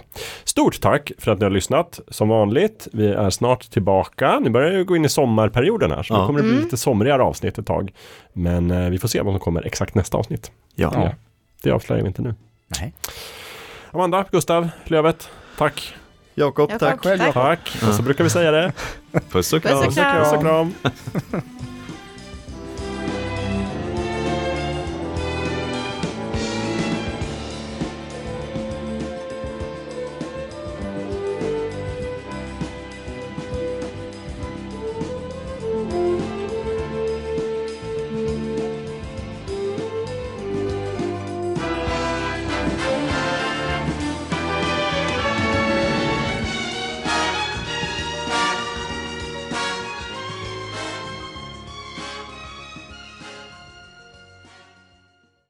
Tråkigt.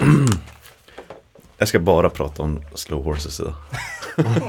Jag har kollat, jag har kollat på första säsongen. Ja, det är så bra. Jag kräks nästan. Nu hittar jag det. Remembrance. Nej, vad heter den? Jag har hittat din lista. Ja, Reminiscence. Reminiscence. Eller visst är det så man säger? Eller hur säger man det här då? Ja, Reminiscence. Reminiscence. Det är med Rebecca Ferguson. Med, med Hugh Jackman och Rebecca Ferguson. Ferguson. Ferguson. Ja. Nej, men kanske lite som att uh, Jocke, att, han, att de säger Bennett, Mm. men att man vill ju säga Bennett. För Ja. att Men vadå, vad heter den då? Va? Eh, Bennett. Bennett. Bennett. Bennett. Jocke är noga med att det är. Bennett. Mm, Mm. Bennett. Den svenskifierade. Mm. Men frågan både med honom och med Rebecca Ferguson är ju vad kallade hans klasskompisar?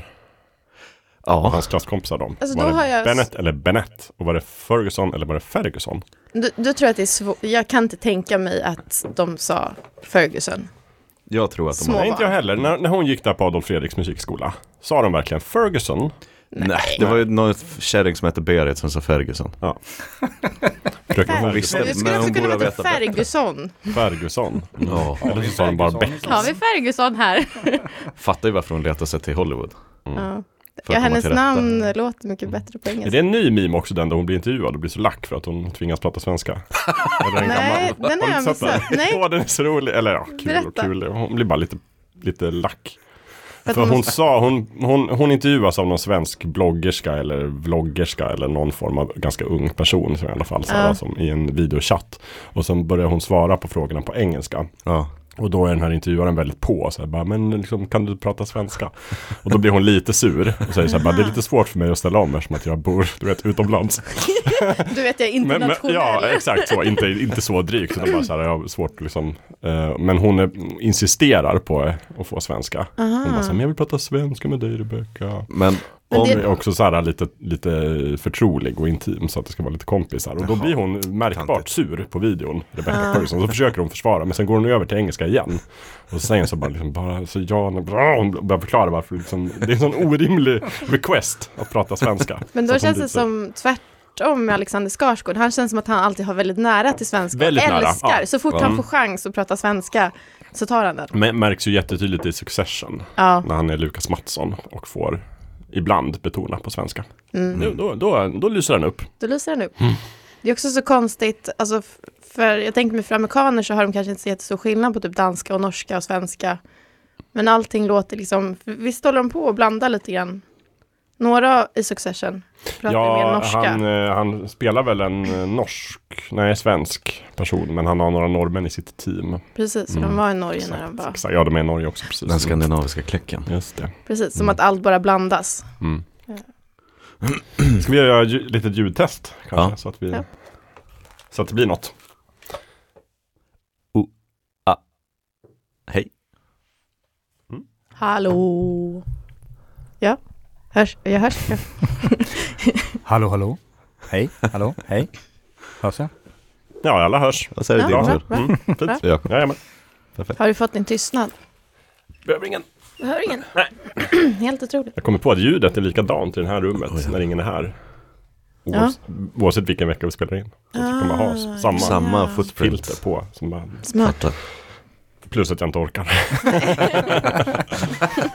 Du orkar inte få Det tyst oss. viktigaste. Låt aldrig, never let perfection stand in the way of good enough. Som Moby sa. Var det han? Men, nej, men Moby har ju att han använder ju samplingar väldigt mycket i sin musik. Ja. Och hans tips är alltid bara lägg på brus. Ah, då blir Han lägger på det brus på alla sina samma. låtar så att det Mm. låter lite sådär, ja. Fattar. Man, man, hör inte skillnad om det är brus överallt. Fake it till you make it. Har jag hört. Det kan vara en vandringssägen också. Mm. Mm. Mhm. Ehm. Måste bara svara på ett sms, sen kan vi köra. Ehm, Perfekt. Jag tänkte på det där med Ferguson-intervjun. Det låter som tvärt emot den här otroligt bisarra eh, när, när Sigge Eklunds brorsa, Fredrik Eklund, alltså ehm, ni vet vad jag pratar om. Du ser Ja, väldigt visst. frågande ut Amanda. Ja, men det, är, Mäklaren. det är mäklaren. Exakt. Han är med i Malou efter tio. Jag skulle bli intervjuad för hans, hans nya bok typ. Och han insisterar på att ta det på engelska. Så att han ska kunna dela det i USA. Ah, ja, kunna dela Om. Malou. Åh nej. Hennes engelska. På tal om någon som heter Berit och jobbar på Adolf Fredrik. På 90-talet. Tänk om det finns liksom. en Berit på honom. Fredrik Vad- skulle vad bli fan säger de? jätteledsen. Som har lyssnat på podden sen Ja. första avsnittet.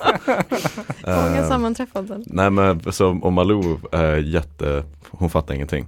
Hon bara, nej nu tar vi det på svenska. Och han glider över, han halkar över till engelska hela tiden. Hela tiden. För att han vill göra Instagram-content till sina Men det, 200 000 följare. det känns ju Rebecca också Ferguson. så eh, stroppigt på något vis. Med svenskar som flyttar över till Amerikat och så här, inte kan prata svenska efter det. Fast om, om Rebecca Ferguson nu är besläktad med hertiginnan av York, då får hon ett pass från mig. Ja. ja, men det känns som att det har blivit, alltså det var som ett tag där det var som att alla som kom tillbaka skulle åtminstone prata svenska med väldigt mycket amerikansk brytning. Som att typ på något sätt bara så här visa Dolphan. Eh, Dolphan. ja, han är, ja, det var ju efter fem som Rebecca Ferguson blev intervjuad. Den svenska skådespelaren ville ogärna prata svenska och blev uppenbart irriterad. Tydligen så har jag inget val, säger Ferguson. Ja, så kan det gå. Nej, eh, Det är, ny, det är inför Dead Reckoning part one. Part One, precis. Mm. Jag kommer göra det för dig, men jag är inte glad, säger Ferguson vid intervjun. Oh. Och förklarar samtidigt att hon pratar engelska 100% av sin tid. Och att hennes sinne inte är i ett tillstånd att göra det som reportern ber henne att göra. I slutet av intervjun brister Ferguson ut i lättnad och ger samtidigt en känga till svenska kollegan. Det här gick bättre än jag trodde. Jag var rädd att jag skulle börja låta lite som Dolph Lundgren. Ja, ja, precis, det är det man inte, jag tror kanske det som är så här skräcken att låta som Ja. Dolph. För det, det ser inte så bra ut. Rebecca Ferguson som är aktuell med tv-serien Silo. Silo. Silo. Är det någon som har sett? Nej. Va? Nej, jag har inte hunnit. Alltså den ligger på min lista, men jag har inte sett den. Ja, det här. Förstår du hur mycket vi har att göra? Ja, verkligen. Jag och Gustav, vi har liksom... Men Lövet, du har grejer. sett?